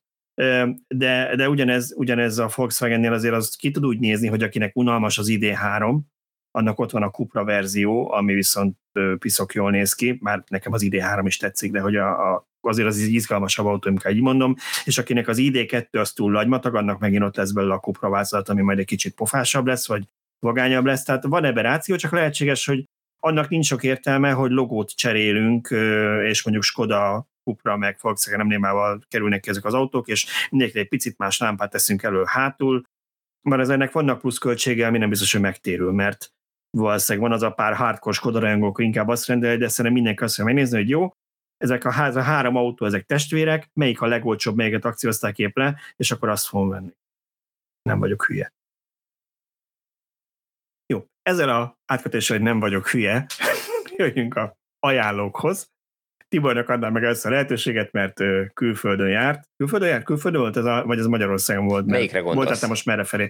Most én a Ionic 6-ra gondolok elnézést. Az Ionic 6 az itt volt Magyarországon, az mert az volt az apropó, hogy, hogy végre megérkezett Magyarországra, és a Hyundai-nak a régvárt szedánja, ami hát más piacokon már, már bevezették egy ideje, de valamiért Magyarország nagyon mostohaként volt, most a gyerekként volt kezelve, és hozzánk nem jött, de most múlt héten megérkezett Kóperbe a, az első szállítmány, az első 20 darab autó, amiből rögtön a, a hazai importőr ki is vett egy, hát egy ilyen vörös és egy, egy mat, szürke, fekete példányt, és meghívta az újságírókat Zsámbékra driving campbe, hogy menjünk néhány kört az autóval, és hát itt ki lehetett próbálni, be lehetett ülni, hogy mondjam, amit, amit ilyen, ilyen rövid, néhány perces teszt alapján, vagy próba alapján meg lehetett ítélni, azt leírtam egy ilyen rövidke kis cikkecskébe. Um, azt érdemes elolvasni, és azt az ígéretet kaptuk, hogy elsők között fogjuk megkapni a modellt tesztelésre, úgyhogy hamarosan érkezhet. Várjál, mit írtál róla, mert attól függ teszt. azért, hogy mennyire, mennyire szólogattál be. Igen, igen, igen. De, na például, amit most a képen látszik, az a digitális tükör. Én nem akartam szóval hozni. Tessék? Én nem akartam szóba hozni. Miért? Mi a bajod a digitális tükörre? A digitális tükörre önmagában a koncepcióval semmi, az már más kérdés, hogy hogy valósítják meg, de, és azt lehet, hogy ebben mennyire volt jól használható, mennyire nem. Én a dizájnról akartam csak azt mondani, hogy eszembe jutott a, a Honda E-nek a Junos TV-je, amit beraktak két oldalra, mert itt is sikerült a 70-es évek műanyag káváját a designereknek behozni egy modern autóba. Hát, eh, jó, ez itt a ízések és pofonok, igen. De mesélj róla, milyen? Jó, most ezen lehet vitatkozni. Én alapvetően ugye pont a Honda ebből a digitális tükörrel nagyon jóba vagyok, tehát nekem tetszik a koncepció, tetszik, a, a, amit nyújt egy ilyen technika. Um, igazából egy ilyen tampályás kör nem alkalmas arra, hogy megítélt, hogy ez mennyire használható, de a sajtóanyag azt ígéri, hogy ennek a látószöge annyira nagy, hogy tulajdonképpen megszűnik a hold tér az autó mellett körül, tehát hogy sokkal biztonságosabban lehet használni, mint a, a sima tükröt, úgyhogy ez lesz az, amit ki fogunk próbálni, vagy hát az egyik dolog, amit ki fogunk próbálni a, a teszten, hogy ez mennyire, mennyire van így, és mennyire Igen, nem. ez a digitális tükröknek mindenképpen nagy előnye, és sokan kérdezik, hogy miért, miért kezdenek ez ilyen, ez ilyen túltolják ezt az autógyártók, mert ez csak az, hogy még több pénzt lehessen, meg extra, meg miért nem jó a hagyományos tükör. Ugye van egy olyan probléma, hogy légelnálás szempontjából nem ideális ez a nagy elefántfül, amit oda kiraknak. Ezek a kamerák, bár ez kicsit ebből a szögből legalábbis a két kamera picit a nagynak tűnik mondjuk a Audi e-tron és mások külső kameráihoz képest. Pedig szerintem nem nagyobb Inkább tűnik Trafipaxnak. Nem, ez a, ugye a kép szélén van, és ugye ez egy nagy látószögű kép, és ott, ott már torsz, igen. szerintem ez Jó, de, inkább de, adódik. Tehát főleg az Ioniq 6 tudjuk, hogy a Hyundai is azt hangsúlyozza, hogy milyen remek a légellenállásra. Gyanítom, hogy azért ez nagyon le volt tesztelve, hogy ez egy jó légellenállású történet, és ez valószínűleg nagy, azért is lehetett létre, mert, mert nem egy nagy tükröt kell kirakni, de a másik meg pontosan az, amit, amit mondasz, hogy ezt kb. minden gyártó elmondja, aki ilyet hoz ki, hogy megszűnik a holtér ezáltal, és azért azt tudjuk, hogy életveszélyes tud lenni. Amikor eltűnik Teljesen egy más a... látószöget látsz egy tolatókamerában is, mint egy visszapillantó tükörben, és nyilván azt is megszoktad. Én kíváncsian várom, hogy a biztosítók mennyire fognak körülni annak, amikor majd elkezdenek elterjedni ezek az autók, és akkor visszaüssz utána egy hagyományos autóba, és akkor nézegeted a, mit tudom én, a tolatásnál a jobboldali levegőirányváltót, és közben beletolatsz valamiben, mert elfelejtett, hogy ott nem kamera van, hanem hagyományos tükör, én ezt azért párszor eljátszottam, amikor átültem olyan autóba, ami nincs tolatókamera, de én nem, nem vezettem még ilyen autót, amiben kamera van, de de én egészen biztos vagyok, igen, ez tényleg kicsit ilyen, mint hogyha Night Rider-t néznénk dizájnban, de mondjuk egyen jobb, mint hogyha nem tudom, fekete zongoralk lenne. Szóval, hogy nem vezettem még ilyen autót, de azt hiszem, hogy ez is tipikusan egy olyan dolog, ami, ami két nap alatt meg lehet szokni, és mert nagyon gyorsan meg lehet találni, hogy mi a jó. Én például utálom, hogy a tükrök állandóan összekoszolódnak, és megtörik mm. rajtuk a fény, és például a kameránál állítólag ez nincs.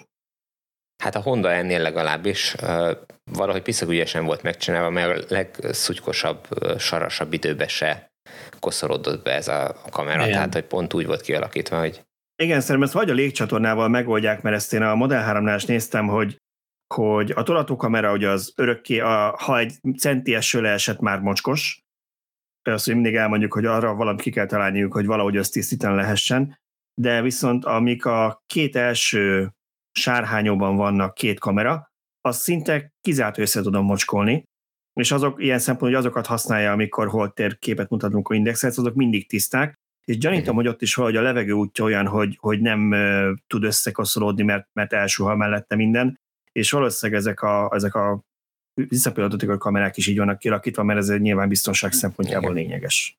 Meg hát ettől még ér forgatnod a fejedet, tehát hogy ha Igen. meg akarsz bizonyos abszolváltásnál,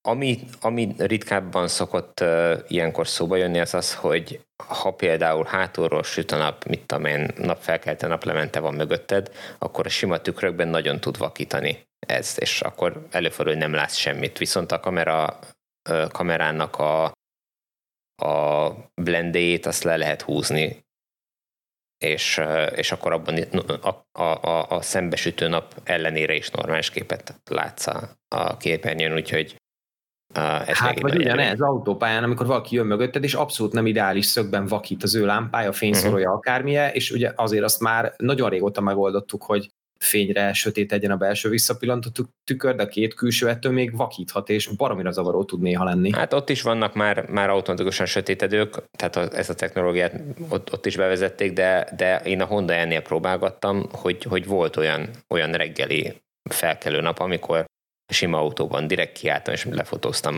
az egyik cikkbe benne is van, hogy a tükörbe semmit nem lehet látni, de a, a Honda ennek a, a kamerája, kamerás ö, képernyőjén viszont tökéletesen látni, mi van a kocsi mögött, úgyhogy ez, ez még lehet egy előny emellett. Na, mindegy, szóval összességében visszatérve az autóra, ö, egy, egy nagyon kényelmes ö, autó, alapvetően én, ha jól értettem, a Model 3 ellen indul, tehát ez egy Model 3 méretű autó, bár éppen minden irányból néhány milliméterrel pont nagyobb, hogy azt lehessen mondani, hogy ez egy nagyobb autó.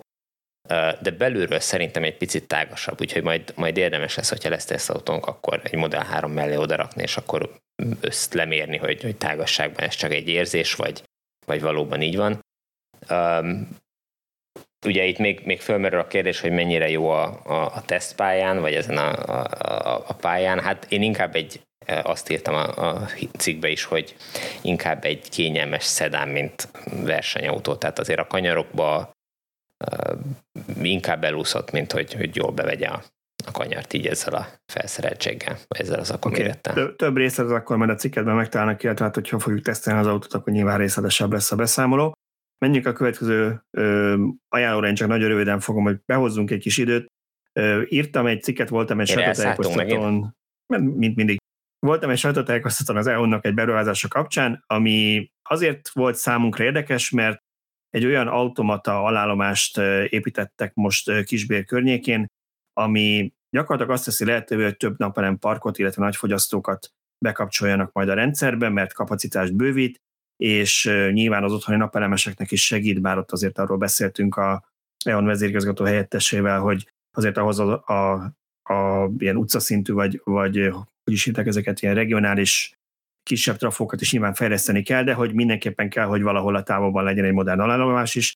Tehát az, amiről szó volt már többször, hogy a magyar hálózat nem bírja el a megújulókat, azt ezek a fejlesztések fogják megoldani, és ugye ez is EU-s pénzekből valósult meg, amennyire kivettem, mert egy EU-s program keretében, most az EU pontosan mennyit adott, azt meg nem mondom, de, de azért nagyon fontos, hogy ezek az EU-s pénzek érkeznek, illetve mielőtt megérkeznek, most van egy kormányprogram, hogy előfinanszírozzák őket, úgyhogy nem lassult ez a fejlesztés ütem, ami mindenképpen jó hír mindenkinek, aki otthoni napelemet telepít, és jó hír olyan szempontból az országnak, hogy minél több megújulót tudunk majd bekapcsolni, és nem kell várni arra, hogy megoldódjanak a viták. Úgyhogy itt van itt egy pár kép, de ezt majd mind megtalálja mindenki a cikkben, és akkor ott lehet erről Következő, nem többet olvasni. Következő témánk, ezt eh, szerintem Szabolcs, te írtad meg, és én azért használtam a kifogást, hogy berakjuk ezt, mert tanulmányautósokat nem nagyon szoktam beválogatni, ez egy Mercedes tanulmányautó, nem nagyon szoktam beválogatni az adás témája közé, mert ezek ilyen, nekem mindig ilyen angolból tükörfolytással hívúsági projektnek tűnnek, amikor iratlan sok pénzt elkölt egy autógyártó arra, hogy létrehoz valamit, ami úgyse kerül sorozatgyártásba, és persze meg lehet ideologizálni azzal, hogy hát valami elemei majd gyártásban majd arra mutatja már, de akkor is egy ilyen túl sok pazarlásnak érzem, viszont ez annyira rohadt jól néz ki ez a Mercedes tanulmányautó, hogy mondtam, gondoltam, hogy amíg mesélsz nekünk erről, hogy mit tudtál meg rólta esetleg erről a motorról, amit így nagyon villogtattak, hogy ez valami nagyon új hiper-szuper villanymotor lesz majd ebben, vagy ez ebben a koncepcióban, addig én pár képet itt futtatok a képernyőn a, a YouTube-osok kedvéért. Oké, okay, hát alapvetően rövid leszek, barom jól néz ki valóban az autó. Ugye szerintem az fontos tudni erről a tanulmányról, hogy ez alapvetően most egy vizuális tanulmány, és a C111-nek az alapjaira épül. Ugye a C111 az annak idején a Mercedesnek volt egy ilyen kísérleti autója, ha úgy tetszik, még abban a időszakban, amikor három és négy rotoros vankel motorokat használt a Merci, ugye aztán ezt, aztán ezt lepasszolta a, a Mazdának és hát azok az autók akkor ilyen írdatlan 300 km per órás átlagokat mentek, és tényleg a Merci nagyon sok mindent kísérletezett ki velük, és e-, ebben az autóban talán nem is feltétlenül a külső meg a belső a nagy duranás, hanem, hanem az, hogy maga a, a hajtáslánc és az akkumulátor ö, tartalmaz olyan újdonságokat, amik viszont má, már a teljesen gyártásra érettek. Ugye ez a motor, amit például most itt a képen látunk, ez az úgynevezett axiál fluxusú motor, e, ebben hát nagyon leegyszerűsítve az a különbség a hagyományos ma használt radiál fluxusú motorokhoz képest, hogy itt a maga a fluxus, ugye a fluxus az egy ilyen adott területen átáramló anyag vagy energia mennyisége, az a, ennek, a, ennek az energia áramlásnak az iránya, az párhuzamos gyakorlatilag a motornak a forgás irányával, ezáltal sokkal kisebb a motornak az ellenállása. Aki akar mélyebben belemenni, vagy ilyen nagyon mérnöki dolgokat olvasni, az, az nyugodtan utána tud olvasni. Egyébként ezek alapjai például a ma már kevésbé hatékony, de még egyelőre csak motorokban, robogókban használt kerék vagy motoroknál, tehát ott is ehhez hasonló motorokat használnak. Szóval ez a fajta axiál fluxusú motor lehetővé teszi azt, hogy sokkal kisebb, könnyebb, kompaktabb, ilyen családi pizzaszerű motorokat gyártsanak, aminek nyilván a beépíthetősége is kellemesebb. És túl azon, hogy, hogy, hogy én sem feltétlenül rajongok a tanulmányokért, én egy dolgot azért mindenképp megemlítenék, hogy tőlem ezen a héten hárman is megkérdezték, hogy mi a fenének költünk ilyesmire egy csomó pénzt el. És rájöttem, hogy ugyanazt válaszoltam azoknak, akik megkérdezték, mint amit a felségemnek szoktam az űrkutatás kapcsán, mert például az, hogy elmenjünk a Marsra, őt az egy ilyen totálisan hülyeségnek tartja. És én mindig azt szoktam mondani, hogy nem az a lényeg, hogy eljussunk a Marsra, hanem az a lényeg, hogy azzal, hogy el szeretnénk jutni, és ahhoz, hogy odáig eljussunk, ahhoz felfoghatatlan mennyiségű kihívást, problémát, meg akadályt kell leküzdeni.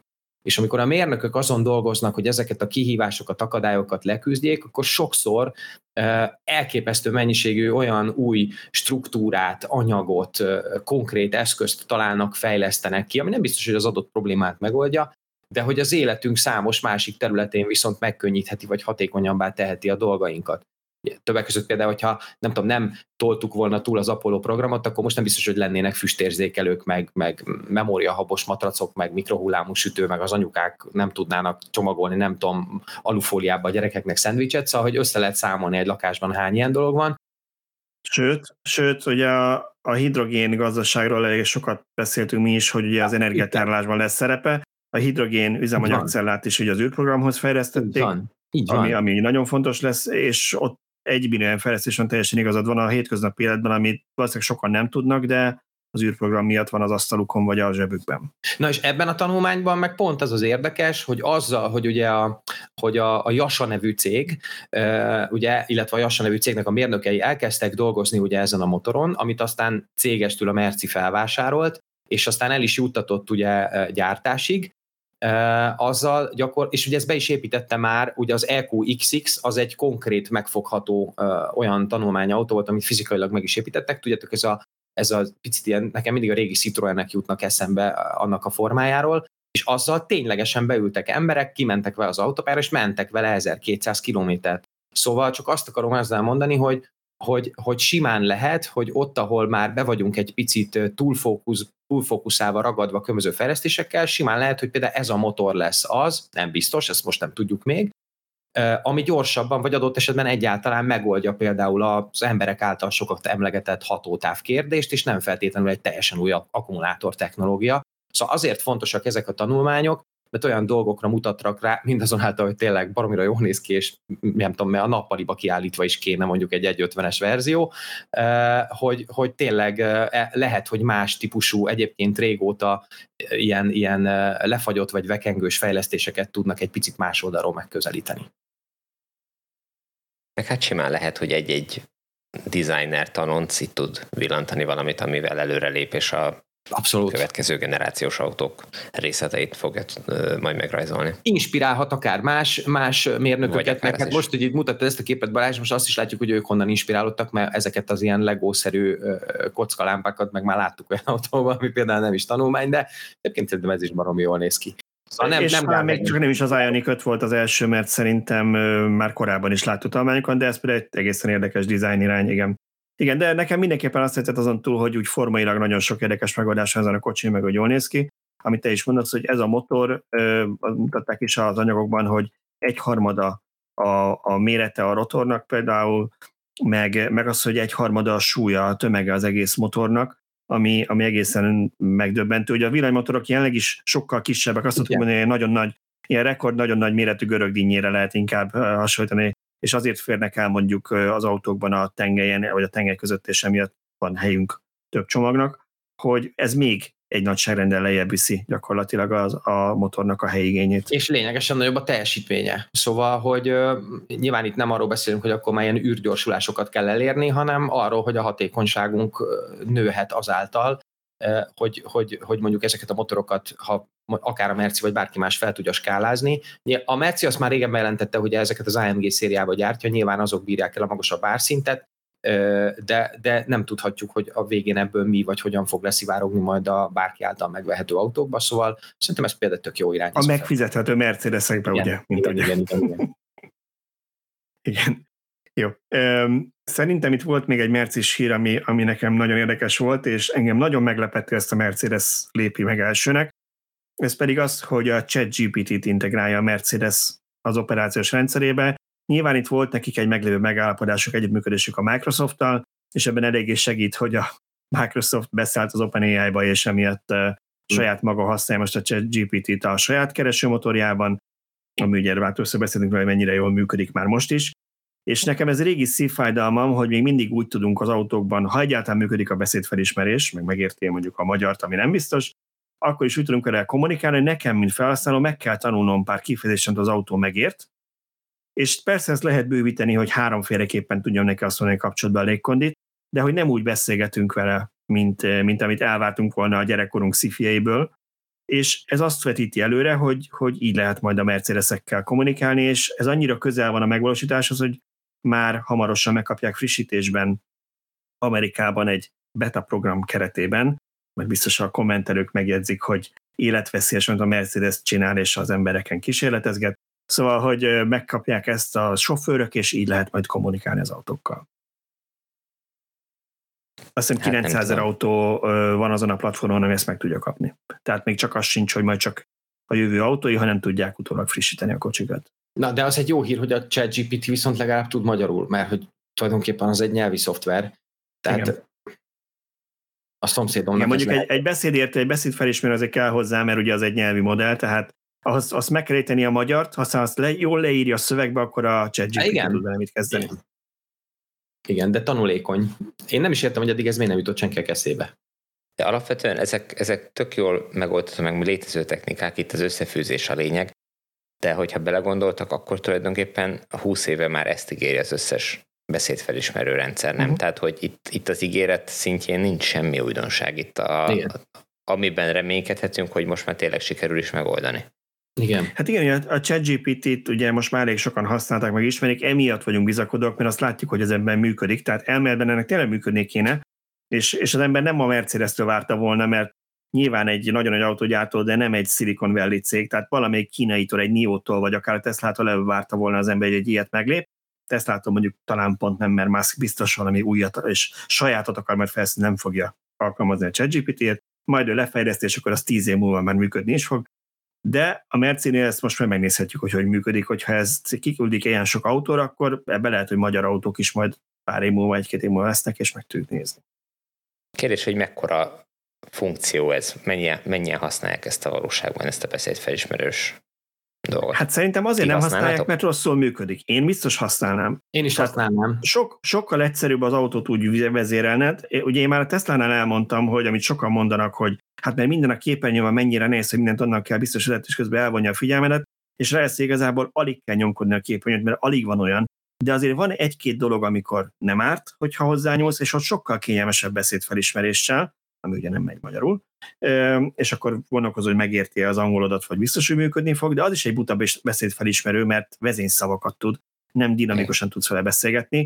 És itt még egy dologra fejlem figyelmet, hogy az a Mercedes nyilván marketing anyaga, mert ott minden, ott minden elfér, de kiemelte, hogy, hogy ugye kontextus érzékeny lesz ez is, hogy a chat GPT. Magyarul emlékezni fog rá, hogy mit mondtam, de azt mondom neki, hogy, hogy légy szíves, keressél nekem egy éttermet, akkor azt mondani, hogy kerestem egy éttermet neked a navigációs cél mentén, ahova megyünk, dél körül jó lesz, tehát hogy abban már lehetnek ilyenek, mert, mert ennyire össze, érte, érteni fogja, hogy te nem azért kérte egy éttermet, mert szeretné tudni, hogy milyen éttermek vannak csak úgy általában, hanem tudja, hogy hova mész, és ahhoz mondjuk az úttételbe beleírsz neked egy éttermet úgy ebédidőben. Jó, hát mondjuk az abban tényleg a narráció, hogyha mondjuk emlékezne rá, hogy ezen az útszakaszon legutóbb én melyik éttermet választottam, és hogy, vagy mondjuk esetleg az ét, étterem látogatás után megkérdezi, hogy na és milyen volt az étel, és akkor utána legközelebb emlékszik rá, hogy na az ízlet nekem. Uh-huh.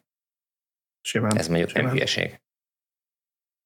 Oké, okay, mai utolsó blokkunk a kommentek előtt, behoztuk a lemaradást, elektromos buszok, ami nekem egy nagy kedvenc témám, mert és szerintem ezzel a osztozik a szerkesztőség is, hogy mindig elmondjuk, hogy ugyan villanyautósok, de a motorokon kívül, ha már itt van Szabolcs, vagy a motorok mellett, egyébként még nagyon nagy fetisünk az ilyen teherautók és, és buszoknak a villamosítása is, mert ez nagyon sokat jelent a városokban, hogyha azoknak a nagy dízel kamionok és buszok nem a fekete füstöt eregetik ki.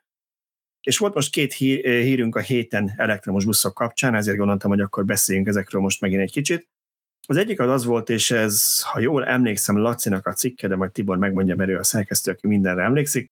A, ez, mindjárt, mindjárt mondom, ez arról szólt, hogy igen, hogy az európaiak már több, nyilván az európai közlekedési cégek már több elektromos buszt vásárolnak, mint dízelt, és erre egy nagyon magas minőségű ábrát is berakott a címbe, amit nem Laci tekézem, mert szerintem ezt a anyagból, amit talált, abból ollózta ki, ami körülbelül egy ilyen, hát egy ilyen 2003-as egyetemi anyagnak felel meg dizájnban, szóval, hogy mindegy, de a lényeg látszik rajta, hogy a dízel buszoknak a vásárlási aránya most már lement 30% alá a 27 EU országban, és a Egyesült Királyságot ezt hozzá szokták még venni.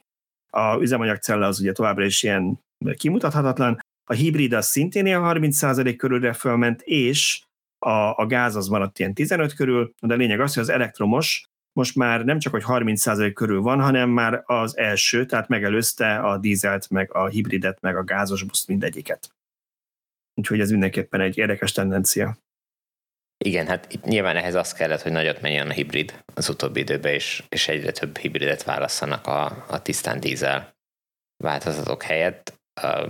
Ahogy a grafikonon is látszik, a, az akkumulátorosaknak a részaránya az, az utóbbi időben nem stabil volt, igen. jelentősen, igen. tehát hogy az inkább ilyen, ilyen stagnáló szinten van, de ugye ami miatt mi szeretjük meg propagáljuk a teherszállítás meg a személyszállításban a, az elektromos meghajtást, az az, hogy ezek tipikusan olyan feladatok, ahol pontosan lehet előre tervezni. Tehát, hogyha megvan az, hogy milyen útvonalakon akarjuk járatni azt a buszt, akkor pontosan ki lehet a katalógusból választani, hogy melyik típus való oda, melyik típust kell választani ahhoz, hogy az problémamentesen működjön illetve hogyha ha mondjuk olcsóbb, kisebb akkumulátoros busz választunk, akkor hova kell menet közben a fordulóba, vagy mit tudom, akár hova, hol van olyan pihenője a busznak, ahol rá lehet tölteni, és ahova ki kell építeni a, a töltést. Tehát magyarul egy kis elő, előgondolkodással, vagy előkészülettel nagyon jól beilleszthetők akár a mostani, mostani feladatok leküzdésére és vagy megoldására is ezek a, ezek a járművek és hát tényleg ezek rengeteget mennek a városokban, és abban a környezetben szüntetik meg a károsanyag kibocsátást, vagy csökkentik jelentősen, mert ugye mindig ilyenkor elő szokott jönni, hogy a gumikopásból, meg a, a fékből, meg akármiből van szállóbor. Ez nyilván van, de ez ugyanúgy van a hagyományos autóknál is, tehát hogy ez, ezzel még egyelőre nem tudnak mit kezdeni. Hát sőt, igen, ez, ez nekem mindig egy olyan forradalom, amikor ezzel a kettővel jönnek általában környezetvédők, és az indítatást értem meg a, meg a cél az nemes de ugye pont hülyeséget mondanak, mert egy elektromos járműnél a féknek a az jellemzően kisebb kopású. Ja, hát kisebb. sokkal kisebb, mint egy, mint egy hagyományos autónál, innentől kezdve ott kevesebbet is terhel. Hogy a gumikopásra szokták azt mondani, a nagy tömeg miatt, az akkumulátorok nagy tömege miatt az még több is lehet, ami technikailag igaz, de ugyanakkor ne felejtsük, hogy a benzin és dízel autóknak a tömege is nagyon nagyot nőtt az elmúlt időszakban, főleg az SUV-k miatt, a elektromosaké meg azért szépen csökken, Persze, hát modellfüggő. Meg, meg azért az elektromos autókra ma már azért teljesen más gumi, gumikat fejlesztenek ki. Tehát pont azért, mert adott esetben ugye az elején még nem is feltétlenül volt alkalmas Igen. egy standard hagyományos gumi pont a, a, a kopásállósága miatt. Tehát ott ugye azért van az, a, amivel a mérnökök küzdenek, hogy csendes is legyen, meg bírja is a nyomatékot, meg egyébként ne is kopjon olyan gyorsan. Tehát, hogy ez megint egy olyan dolog, hogy ott, ott is lehet segíteni. Egyébként például a guminak a kopására már réges-rég feltaláltuk azt a fajta zárt rendszert, ugye, amiből nem jön ki, csak senki nem veszi meg, mert ronda. Ugye, hogy le van gyakorlatilag kívülről egy picit így le van burkolva, ha úgy tetszik a, a gumi, ami ettől még van, tehát hogy ettől még van gumikopás, csak nem a levegőbe bocsátja ki, hanem van egy elszívó uh-huh. és, és ez nagyon, vagy nagyon futuristikus, vagy nagyon retro, nem tudom, de hogy, hogy erre is vannak már megoldások. Valószínűleg az a logikusan megoldás, hogy egyszerűbb, hogyha ellenálló gumikat terveznek, mert nyilván ezek nem az elektromos autók nyomatékához voltak tervezve régebben ezek a gumik. Jó. Hát vagy pedig, ha, bocsánat, felhasználják a, a légáramlatokat, amivel majd csökkentik a légellenállását az autónak, és azzal együtt be is gyűjtik a, a gumirészecskéket az autó végén. Persze, igen. De ha már arról beszéltünk, ugye, hogy... Pedig Balázs, te, szoktál, te, szok, te szoktad az iróniát képviselni általában.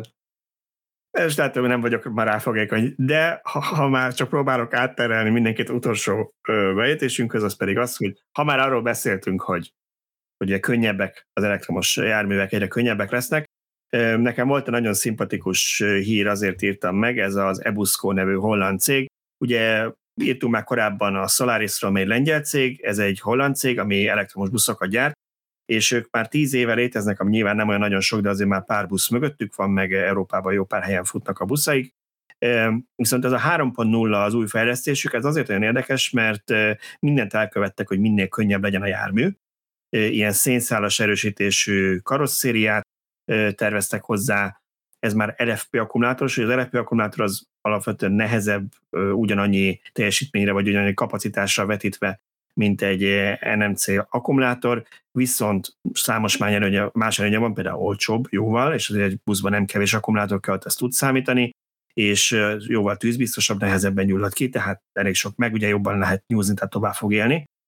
De ami nekem nagyon tetszett, hogy én, ugye ezek azok a tipikus hírek, amikor Tibor tépi a haját, a Balázs egy ilyen 5 perces híren már megint fél napot dolgozott, de azért, mert Balázs érdekel, elolvas egy ilyet, mondja, jó, köszönöm szépen a marketing bullshit hogy mennyire könnyű a buszotok, meg mennyire jó, de akkor nézzük már meg, hogy egy Volvo, ugye ez a, amik Budapesten is, meg Magyarországon több helyen futnak, meg mondjuk a Mercedesnek a, a citárok, amik szintén Magyarországon ismertek, azok mennyi, mennyi a tömegük azoknak a buszoknak, és hogy viszonyul ez hozzá. És azt látta, amikor elég sok munkával igyekeztem adatokat találni, mert nem olyan egyszerű, mint gondolnád, hogy abszolút hozza azoknak a buszoknak a, a szintjét, a, tehát ugyanannyi ember tud szállítani, a terhelhetősége is szinte ugyanannyi volt, mint ezeknek a buszoknak.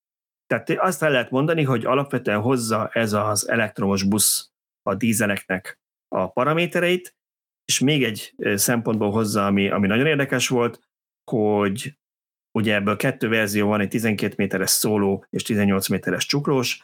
A 12 méteres szólónak is két akkóopcia van, de a nagyobbikkal azt mondja, hogy ami van egy 250-es meg egy 350-es akkumulátor, 575 km-es VLTP hatótávot ígérnek, a nyilván ez városi mérés, mert városra vannak ezek tervezve, és a 18 méteres buszban még nagyobb aksik férnek, ugye a csuklósba, 350 és 500 kWh, és az 500 kWh LFP akupakkal pedig 700 km-es hatótávot mérnek ennek a busznak, amire azt mondja a cég, hogy szerintük ezzel már elhagyható az a beruházás, amikor a busznak a különböző fordulóihoz te akarsz olyan nagy teljesítmény töltőket telepíteni, mondjuk 20 percet, amíg a busz áll meg, fel tudod tölteni, hanem elég csak kis teljesítménnyel műszak végén a garázsban reggelre feltölteni, vagy éjszakai busz, akkor nyilván estére, mert bőven kibír egy napot fűtéssel, hűtéssel, minden. Én szerintem ez már kínzás, tehát ezt tiltani kéne. Amnesty International elején beszélnék mindenképpen, hogy 700 kilométert kell pisi szünet nélkül levezetni a sofőröknek. Nem, hogy mondjam, Igen. tehát nem tudom, hogy fognak erre a sofőröket találni. Hát különösen akkor, hogyha dugóba kerül és lemerül a klíma miatt. Igen, igen. Igen. Egyébként örülök, hogy most mindenki ironikus, csak én nem, mert én még, még egy dolgot, akkor most én leszek az ellenpont, még egy dolgot ide bedobnék, ami nekem nagyon tetszett, hogy ugye én mindig utáltam, hogy a dízel buszokban, mondjuk városi közlekedésben, hogy a hátulra száz fel, akkor ott a motortér úgy benyúlik, nyilván neki látott már ilyet, mert közlekedett már buszon, az utastérbe, elveszi mondjuk úgy a harmadát, ott zörög melletted a dízelmotor, és ha olyan szerencsétlen, hogy az hátul oda kell tűnöd, akkor az általában még meleg is, ami, té- ami télen oké, okay, ne nyáron, amikor amúgy is meleg van a buszon, meg mondjuk megreked a levegő, főleg, hogyha klímával spórolnak, hogy kevesebb dízel fogjon, akkor hátul tényleg nagyon ízasztó tud lenni. Tehát büdös, zörög, remeg ott minden körülötte, és zajos, és, és fűt, és ehhez képest ennek a busznak a belterében ez nincsen. Ugyan az akupakkok a padlólemez alatt vannak, de ugyanúgy alacsony padlós, mint a hagyományos buszok, ugyanannyi a első lépcsőnek a magassága, mint a hagyományos buszoknál, egy-két centit láttam eltérést, és az utastér belül tágas és szellős, és nincsen semmi nem lóg be. Szóval én mindenképpen örülök neki, hogy Európában ilyen buszok készülnek. Én szerettem, mert hátul volt egy korlát, aminek, hogyha így neki támaszkodtam, vagy döltem gerincel, akkor, akkor tök jól le tudtam masszírozni azokat a csomókat ott a, a gerincet. Hát az a masszás csomag volt, az igen, extra feláros. Igen, az, az lehet, hogy hiányozni fog. Drágább volt a jegy hátulra, vagy? Hát kérhetett volna a BKV ezért többet. Jó. Szóval ennyit akkor a villanybuszokról, és akkor szerintem térjünk át a kommentekre, hogy az sem maradjon el a komment szekció. Először is nagyon-nagyon szépen köszönjük mindenkinek a sok-sok kommentet, meg tényleg, hogy ilyen sokan nézetek, hallgatjátok a, a YouTube-on és a különböző csatornákon, és külön szeretnénk megköszönni pár embernek, akik még egy pár forinttal is támogatták a kommentjükben és előre is elnézést kérek, nekem is olyan ismerősök, akinek a neve két keresztnév, és mindig utálja, amikor rossz sorrendben mondják, azt hiszik, hogy, hogy a vezeték neve a keresztneve.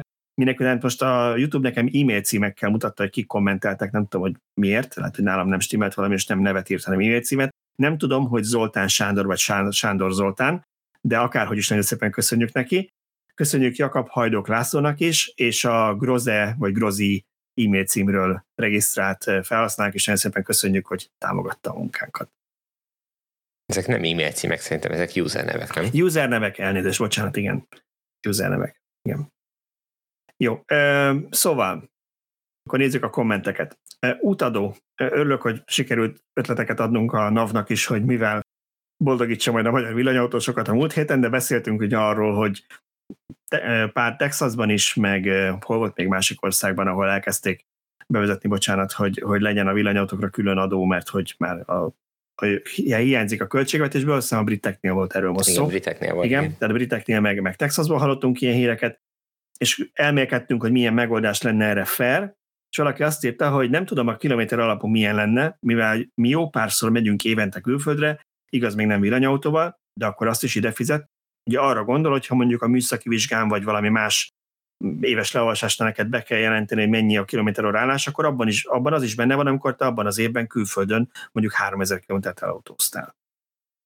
Benne van, igen. Abszolút jogos a kérdés. Igen. Abszolút jogos a kérdés, hogyha ha belegondolok, hogy ezt mit tudom én, áfa kapcsán az EU-ban mennyire bonyolultan sikerült megoldani, akkor valószínű gyorsan kijönne az, hogy, hogy ezt egy ország nem tudná bevezetni, hanem akkor az egész EU kellene bevezetni, és akkor az EU kitalálna rá valami annyira nagyon bonyolult rendszer, Á, de ami, hogy nem. Amit, amit te sem, meg én sem, meg senki nem tudna követni, de még három hivatalt föl lehet tartani, és még 23 tanácsadó cég, amelyik ebből megélne, hogy ezt a végén te bevald, és az adót kiszámolják. Úgyhogy hát igen, igen, van benne kockázat. Hát vagy azt mondják, hogy igen, fizeted, de ez benne van, ez, ez a hiba határ. Aki nagyon sokat megy külföldre, az így járt, de alapvetően a lakosság többsége az nyilván nyaralni megy meg évente egyszer-kétszer. De hát annak ilyet az EU-ban nem lehet csinálni, hogy te csak úgy jártál. Hát tudnék sok példát mondani, hogy mit lehet csinálni, mert azt hittem, hogy nem lehet csinálni, de most ezt tekintsünk el ettől, mert nem erről szól az adás. Következő komment szintén ennek kapcsán. A jövedéki adó még elméletben sem, ez kapcsolódik, parancsolj. A jövedéki adó még elméletben sem fordítható az utakra, mert alaphelyzetben a jövedéki adó jövedéki termék okozta károk enyhítésére kell fordítani. Megint csak örülök, hogy ennyire naív és gyermeklelkű hallgatóink vannak, hogy ez bármelyik kormányt is valaha megakadályozna bármelyik országban, akkor átnevezik, vagy nem jövedéki adónak hívják, van másnak hívják, tehát ne legyen kétség, hogy akarják meg oldani. De azt írja ez a hallgató, nagyon egyszerű, a villanyautósoknak a hugó rendszert kellene bevezetni. Ugye ezt a kamionok használják, ha jól tudom, nem a, a útdíj használják. Igen. igen. Valami hasonló automata leolvasott, tehát egy rendszám alapján látná, hogy melyik úton mennyit mentél, és akkor valamit számolna. Oké. Okay. Jó, ha nem nincs erre további komment, akkor volt egy... Uh, igen, mondjad. Biztos, biztos így van, tehát hogy, hogy ez, ez lehet egy jó megoldás. Valószínűleg sok jó megoldás van, meg vannak nagyon rossz megoldások, hogy aztán melyiket fogják választani, de én továbbra is azt mondom, hogy, hogy most még nincs ideje a bevezetésnek, de el kéne kezdeni gondolkodni rajta. Volt egy olyan komment, azt nem raktam idebe, de nagyon tetszett, mert mert ez is olyan, olyan, olyan kicsit én naívnak tűnik, de igazából nyilván nem az csak, csak így tetszett a stílus, azt írta valaki, hogy hát azért, ha egy országnak nem elég a 27% áfa plusz 4% kiskereskedelmi különadó bevétel, és abból nem tudja megoldani a működését, akkor ott el kéne gondolkodni azon, hogy miért nem tudja megoldani a működést. Nyilván legyünk naívak, az államnak nagyon sok forrásból van bevétele, és nem elég mindenre az áfa bevétel, és nem fognak elengedni egy akkora tételt, mint a benzin és a gázolaj jövedéki adója, ha már nem lesz benzin és gázolajüzemű autó, valami lesz helyette. De most az, hogy milyen jogcímen fizetsz be egy adót, az olyan szempontból mindegy, hogy bemegy az egész egy kalapba, és aztán majd azt meg struktúráltan elköltik valamire. Például adnak majd a kugyárnak pénzt, de, de ilyen szempontból tök mindegy. Most az, hogy te azt jövedéki adó jogcímen fizeted, ott ott nem ül egy ember, aki összeadja egy Excelbe, hogy jaj, akkor ennyi jött jövedéki adóból be, akkor azt most nem tudom, a jövedék okozta károk enyhítésére, majd megmondjuk, hogy arra utalják. Pedig biztos ez van, az, az, az alkoholból veszednek, az mind a detoxokba megy, ott már mindegyikben ilyen smaragdal vannak kirakva a várók, meg, meg aranyból vannak a padok, nyilván ez erről szól. Na, most, most vagy ott, ahogy, ahhoz szoktál lenni. Ahhoz szoktam, igen. Adás végén eljutottunk oda, igen. Jó.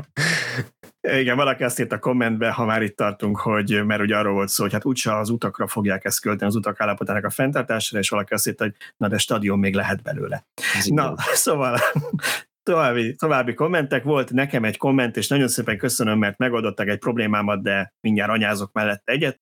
Én azt mondtam, hogy nem, nem értem már nálam miért nem működik sosem, hogyha tudom, first world problems kategóriája lesz, de hogy a telefonomon találok valamit a, mondjuk a Google maps és azt át tudnám elvileg küldeni a Tesla-ra a navigációval, és az autó már úgy fogad, amikor beülök, hogy rögtön megtalálom, tehát rögtön ott lesz az úti cél beállítva, ami elsőre mondhatnák, hogy jó, majd ott beírod, de például most nagyon hasznos volt az EON sajtótájékoztatónál, ugyanis itt GPS koordinátákat kaptunk, hogy hova kell menni, majd, hogy nem a semmi közepére, mert azért egy főút mellett volt, de hát nyilván nem az úton, és, és a GPS koordinátákat nem akartam volna bepötyögni még az autónál, hanem a sajtóközleményben rákattintottam a, a linkre, amit a ottani kollégák betettek, felhozta a telefonom a Google Maps-en, és onnan átküldtem az autónak ezt a GPS koordinátát, és működött, azért működött, mert valaki megírta nekem, hogy állítsd át a telefonod nyelvét angolra, mert akkor működik az átküldés. És innentől szeretném csokoltatni az összes Fremonti fejlesztőt, hogy ugyanabban az iskolába jártak, mint az Ionity-nak a szoftverfejlesztői,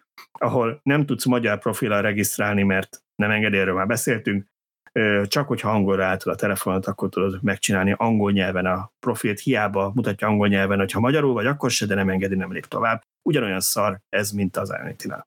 Úgyhogy gratulálok. Nem gondolkodtál még azon, hogy vegyél egy Riviant? És akkor az ABRP tudom használni? Csak az ABRP miatt gondoltam. Igen. Mondasz valamit, mondasz valamit. Jó. Szóval, eh, hogy ezt is megoldottuk, egyetlen egy kommentünk maradt. Eh, a debreceni földek kapcsán valaki megfedett engem egy kicsit, Igen. hogy eh, érthető, hogy elmagyarázod, hogy miért nem kár azért a pár száz hektár földért, de hogyha mindig elvesz abban a területből, ami amúgy is agyonban műtrágyázva, akkor ez hová vezet? Attól, hogy fával fűtünk, és akkor azt gondolhatnánk, hogy nincsen gond, mivel tele vagyunk erdővel, de hát ugye a fákat, hogy kivágták, leírtottuk az erdőket, illetve hát te tudsz enni, mert van mit, mert van egy élelmiszer, de mi lesz unokáinkkal és a gyerekeinkkel? Na most én értem. És értem, hogy honnan jön ez az aggodalom, és szimpatizálni tudok vele. Én továbbra is azt mondanám, hogy 221 hektárról beszéltünk, hogy jól emlékszem, ami akkor megnéztem, hogy 0,004 század százaléka volt a magyar termőföldnek, ha ilyesmi. Én arra térnék vissza, amit Tibor mondott, hogy Debrecen környékén például nagyon sok gyár és különböző raktár és épület és logisztikapark és minden ilyesmi van, ami valószínűleg egyszer termőföld volt, nem láttunk élőláncot és tüntetéseket emiatt. Én tovább is azt mondom, hogy ez, ez egy ürügy, ami jogos félelmei vannak erről, ezek eszik az embereknek az akugyártás kapcsán, hogy majd nem tartják be a, a, nem tartják be a előírásokat, és szennyezés lesz, és látjuk, hogy azon, mert nem tartják be. És erre jó az is, hogy hát még a termőföldet is elveszik, és erre mondtam azt, hogy én megértem, és tényleg és fontos, de hülyeségekkel azért nem menjünk bele, mert nem az a 220 hektár termőföld fogja akár a magyar élelmiszerellátást veszélyeztetni, minek után többszörösét termeljük meg, mint amit elhasználunk, akár a magyar gazdaságot. Van ezer mások, amiért problémáink vannak ezekkel az akugyárakkal, nem a termőföld az. De zajos egyéni saját véleményem, ettől másnak eltérhet a véleménye. Azt, azt a területet Debrecenben több mint 20 évvel ezelőtt minősítették ipari parkán. Tehát ipari Én gondolom, hogy élőlánc volt akkor, nem? Kivonultak Tehát, hogy, a lakók, hogy és... nem, nem most az akkumulátorgyárért vonták ki a termelésből ezt a földterületet, hanem ez már két évtizede ennek van kijelölve, mármint nem akkumulátorgyárnak, de hogy valami ipari tevékenységet fognak hozni a városba. Ez az egyik, a másik meg, hogy ugye, amit múlt adásban is említettél, hogy bioüzemanyagnak rengeteg sok termőföldet elhasználunk tök fölöslegesen azért, hogy, hogy, hogy bekeverjük utána az elégetett üzemanyagba. Abból kellene inkább visszavonni. A harmadik, amit szintén elmondtam talán az előző adásban, hogy, hogy a mezőgazdaság termelékenysége annyit javult az elmúlt évtizedekben, ami bőségesen kompenzálja még a növekvő ö, lakosságszám mellett is kompenzálja azt a kieső területet, ami a, a, az ipar miatt kiesik a mezőgazdaságból. Tehát, hogy ez abszolút alaptalan ez a félelem. Igen, ugye Debrecenben ott van egy ilyen valami BMW nevű cég is épít gyárat, mert akkor azért mennek oda az akugyárak, mert ugye ott vannak az autógyár, ugye a BMW is ide költözött többek között. Senki nem tüntetett a BMW gyár miatt, nem arra bozítjuk, hogy tüntessenek, ne értsen félre senki, csak ott ez nem jött elő, hogy elveszik a termőföldet a BMW gyár miatt, pedig ha jól tudom, ugyanabban a régi, ugyanabban az, a, ugyanabban az ipari parkban megy, vagy hát nagyon közel ahhoz. Érdekes. Én a kommentelőnek a, a, azzal a gondolatával abszolút azonosulni, meg egyet is értek vele, hogy szerintem nagyon fontos felelősségünk van abban, hogy mit hagyunk magunk után. Ez, ez, ez egészen biztos, hogy így van. Viszont én azt látom, és akkor én ezt egy picit így külön bontanám, hogy nagyon sokszor Inkább azt a, a, ebben a hónapban nekem a munkámból fakadóan volt kétszer is lehetőségem részt venni mesterséges intelligencia konferencián, és mivel az egyiket én moderáltam, ezért beleláttam olyan dolgokba, olyan előadásokba, amiről én nekem fogalmam nem volt eddig is. Egészen megdöbbentő számokat mondtak ott a kutatók például arról, hogy mondjuk azzal, hogy egy házi asszony főz, és real-time tölti le, vagy nézi mondjuk a YouTube-on a receptet, meg közben a, a különböző ilyen receptoldalakról töltöget le dolgokat, és ezt repetitíven csinálja, mert sosem menti le magának, vagy mondjuk 100 millióan használjuk a ChatGPT-t, ezzel például hány tízezer meg százezer liter vizet használunk el napi szinten, amivel ezeket a brutális szerverparkokat hűtjük, És nekem az jutott eszembe pont, amikor ezt a kommentet olvastam, hogy, hogy én értem, és abszolút, abszolút elfogadom, hogy, és ez egy jogos gondolat, hogy mit hagyunk magunk után, bár nekem néha meggyőződésem, hogy az emberiséget rohadtul nem érdekli, hogy 50 év múlva még életben lesz-e, de hogy addig, amíg van egy csomó olyan napi szintű dolog, amire konkrét ráhatásunk van. Például ugye a rögzött téma, hogy ott a iskolák mellett ott, nem tudom, ott most is nyár van, nyomatjuk a dízelautókat, és ott ténylegesen szívja be a gyerek ugye a, a, a, a, a csuvát, azért, mert hogy járatni kell napi szinten. Tehát azokat a dolgokat, amire konkrétan ráhatásunk van emberként, hogy honnan rendelünk. Most infláció van nálunk. Ha megnézitek, akkor tök vicces, hogy, hogy még az Amazonról is, meg a különböző kínai rendelő oldalakról is még a viszonylag drágább műszaki cuccokat is szállítás együtt olcsóbban lehet megrendelni. Annak milyen környezeti lábja van. Szóval, vagy hogy mit vásárolunk, elzárjuk a vizet, nyitogatjuk a hűtőt, szóval egy rakás olyan dolgot megtehetnénk a saját környezetünkben, aminek azonnali hatása van arra, hogy egyébként a gyerekeink meg, hogy mit hagyunk magunk után, de közben folyamatosan, megjegyzem még egyszer jogosan, azon rugózunk, hogy, hogy mondjuk a kormány mit csinál, pedig arra nincs ráhatásunk. Illetve van négy évente egyszer. De hogy én azt látom, nagyon azt látom, hogy, hogy tényleg belefeszülünk abba, hogy, hogy olyan dolgokon pörgünk és égetjük az energiát, amire közvetlen ráállásunk nincs, miközben közvetlen módon egy csomó mindent megtehetnénk, amit viszont nem teszünk meg. Nekem erről abszolút ez a véleményem, de még egyszer a, a magával a felvetéssel egyetértek. Hát igen, a másikban könnyebb mindig a vagy, vagy mindig könnyebb megtalálni azt, hogy másnak mind kéne változtatnia, mint hogy magunk változzunk, és ez mind, szerintem mindannyian bűnösek vagyunk benne.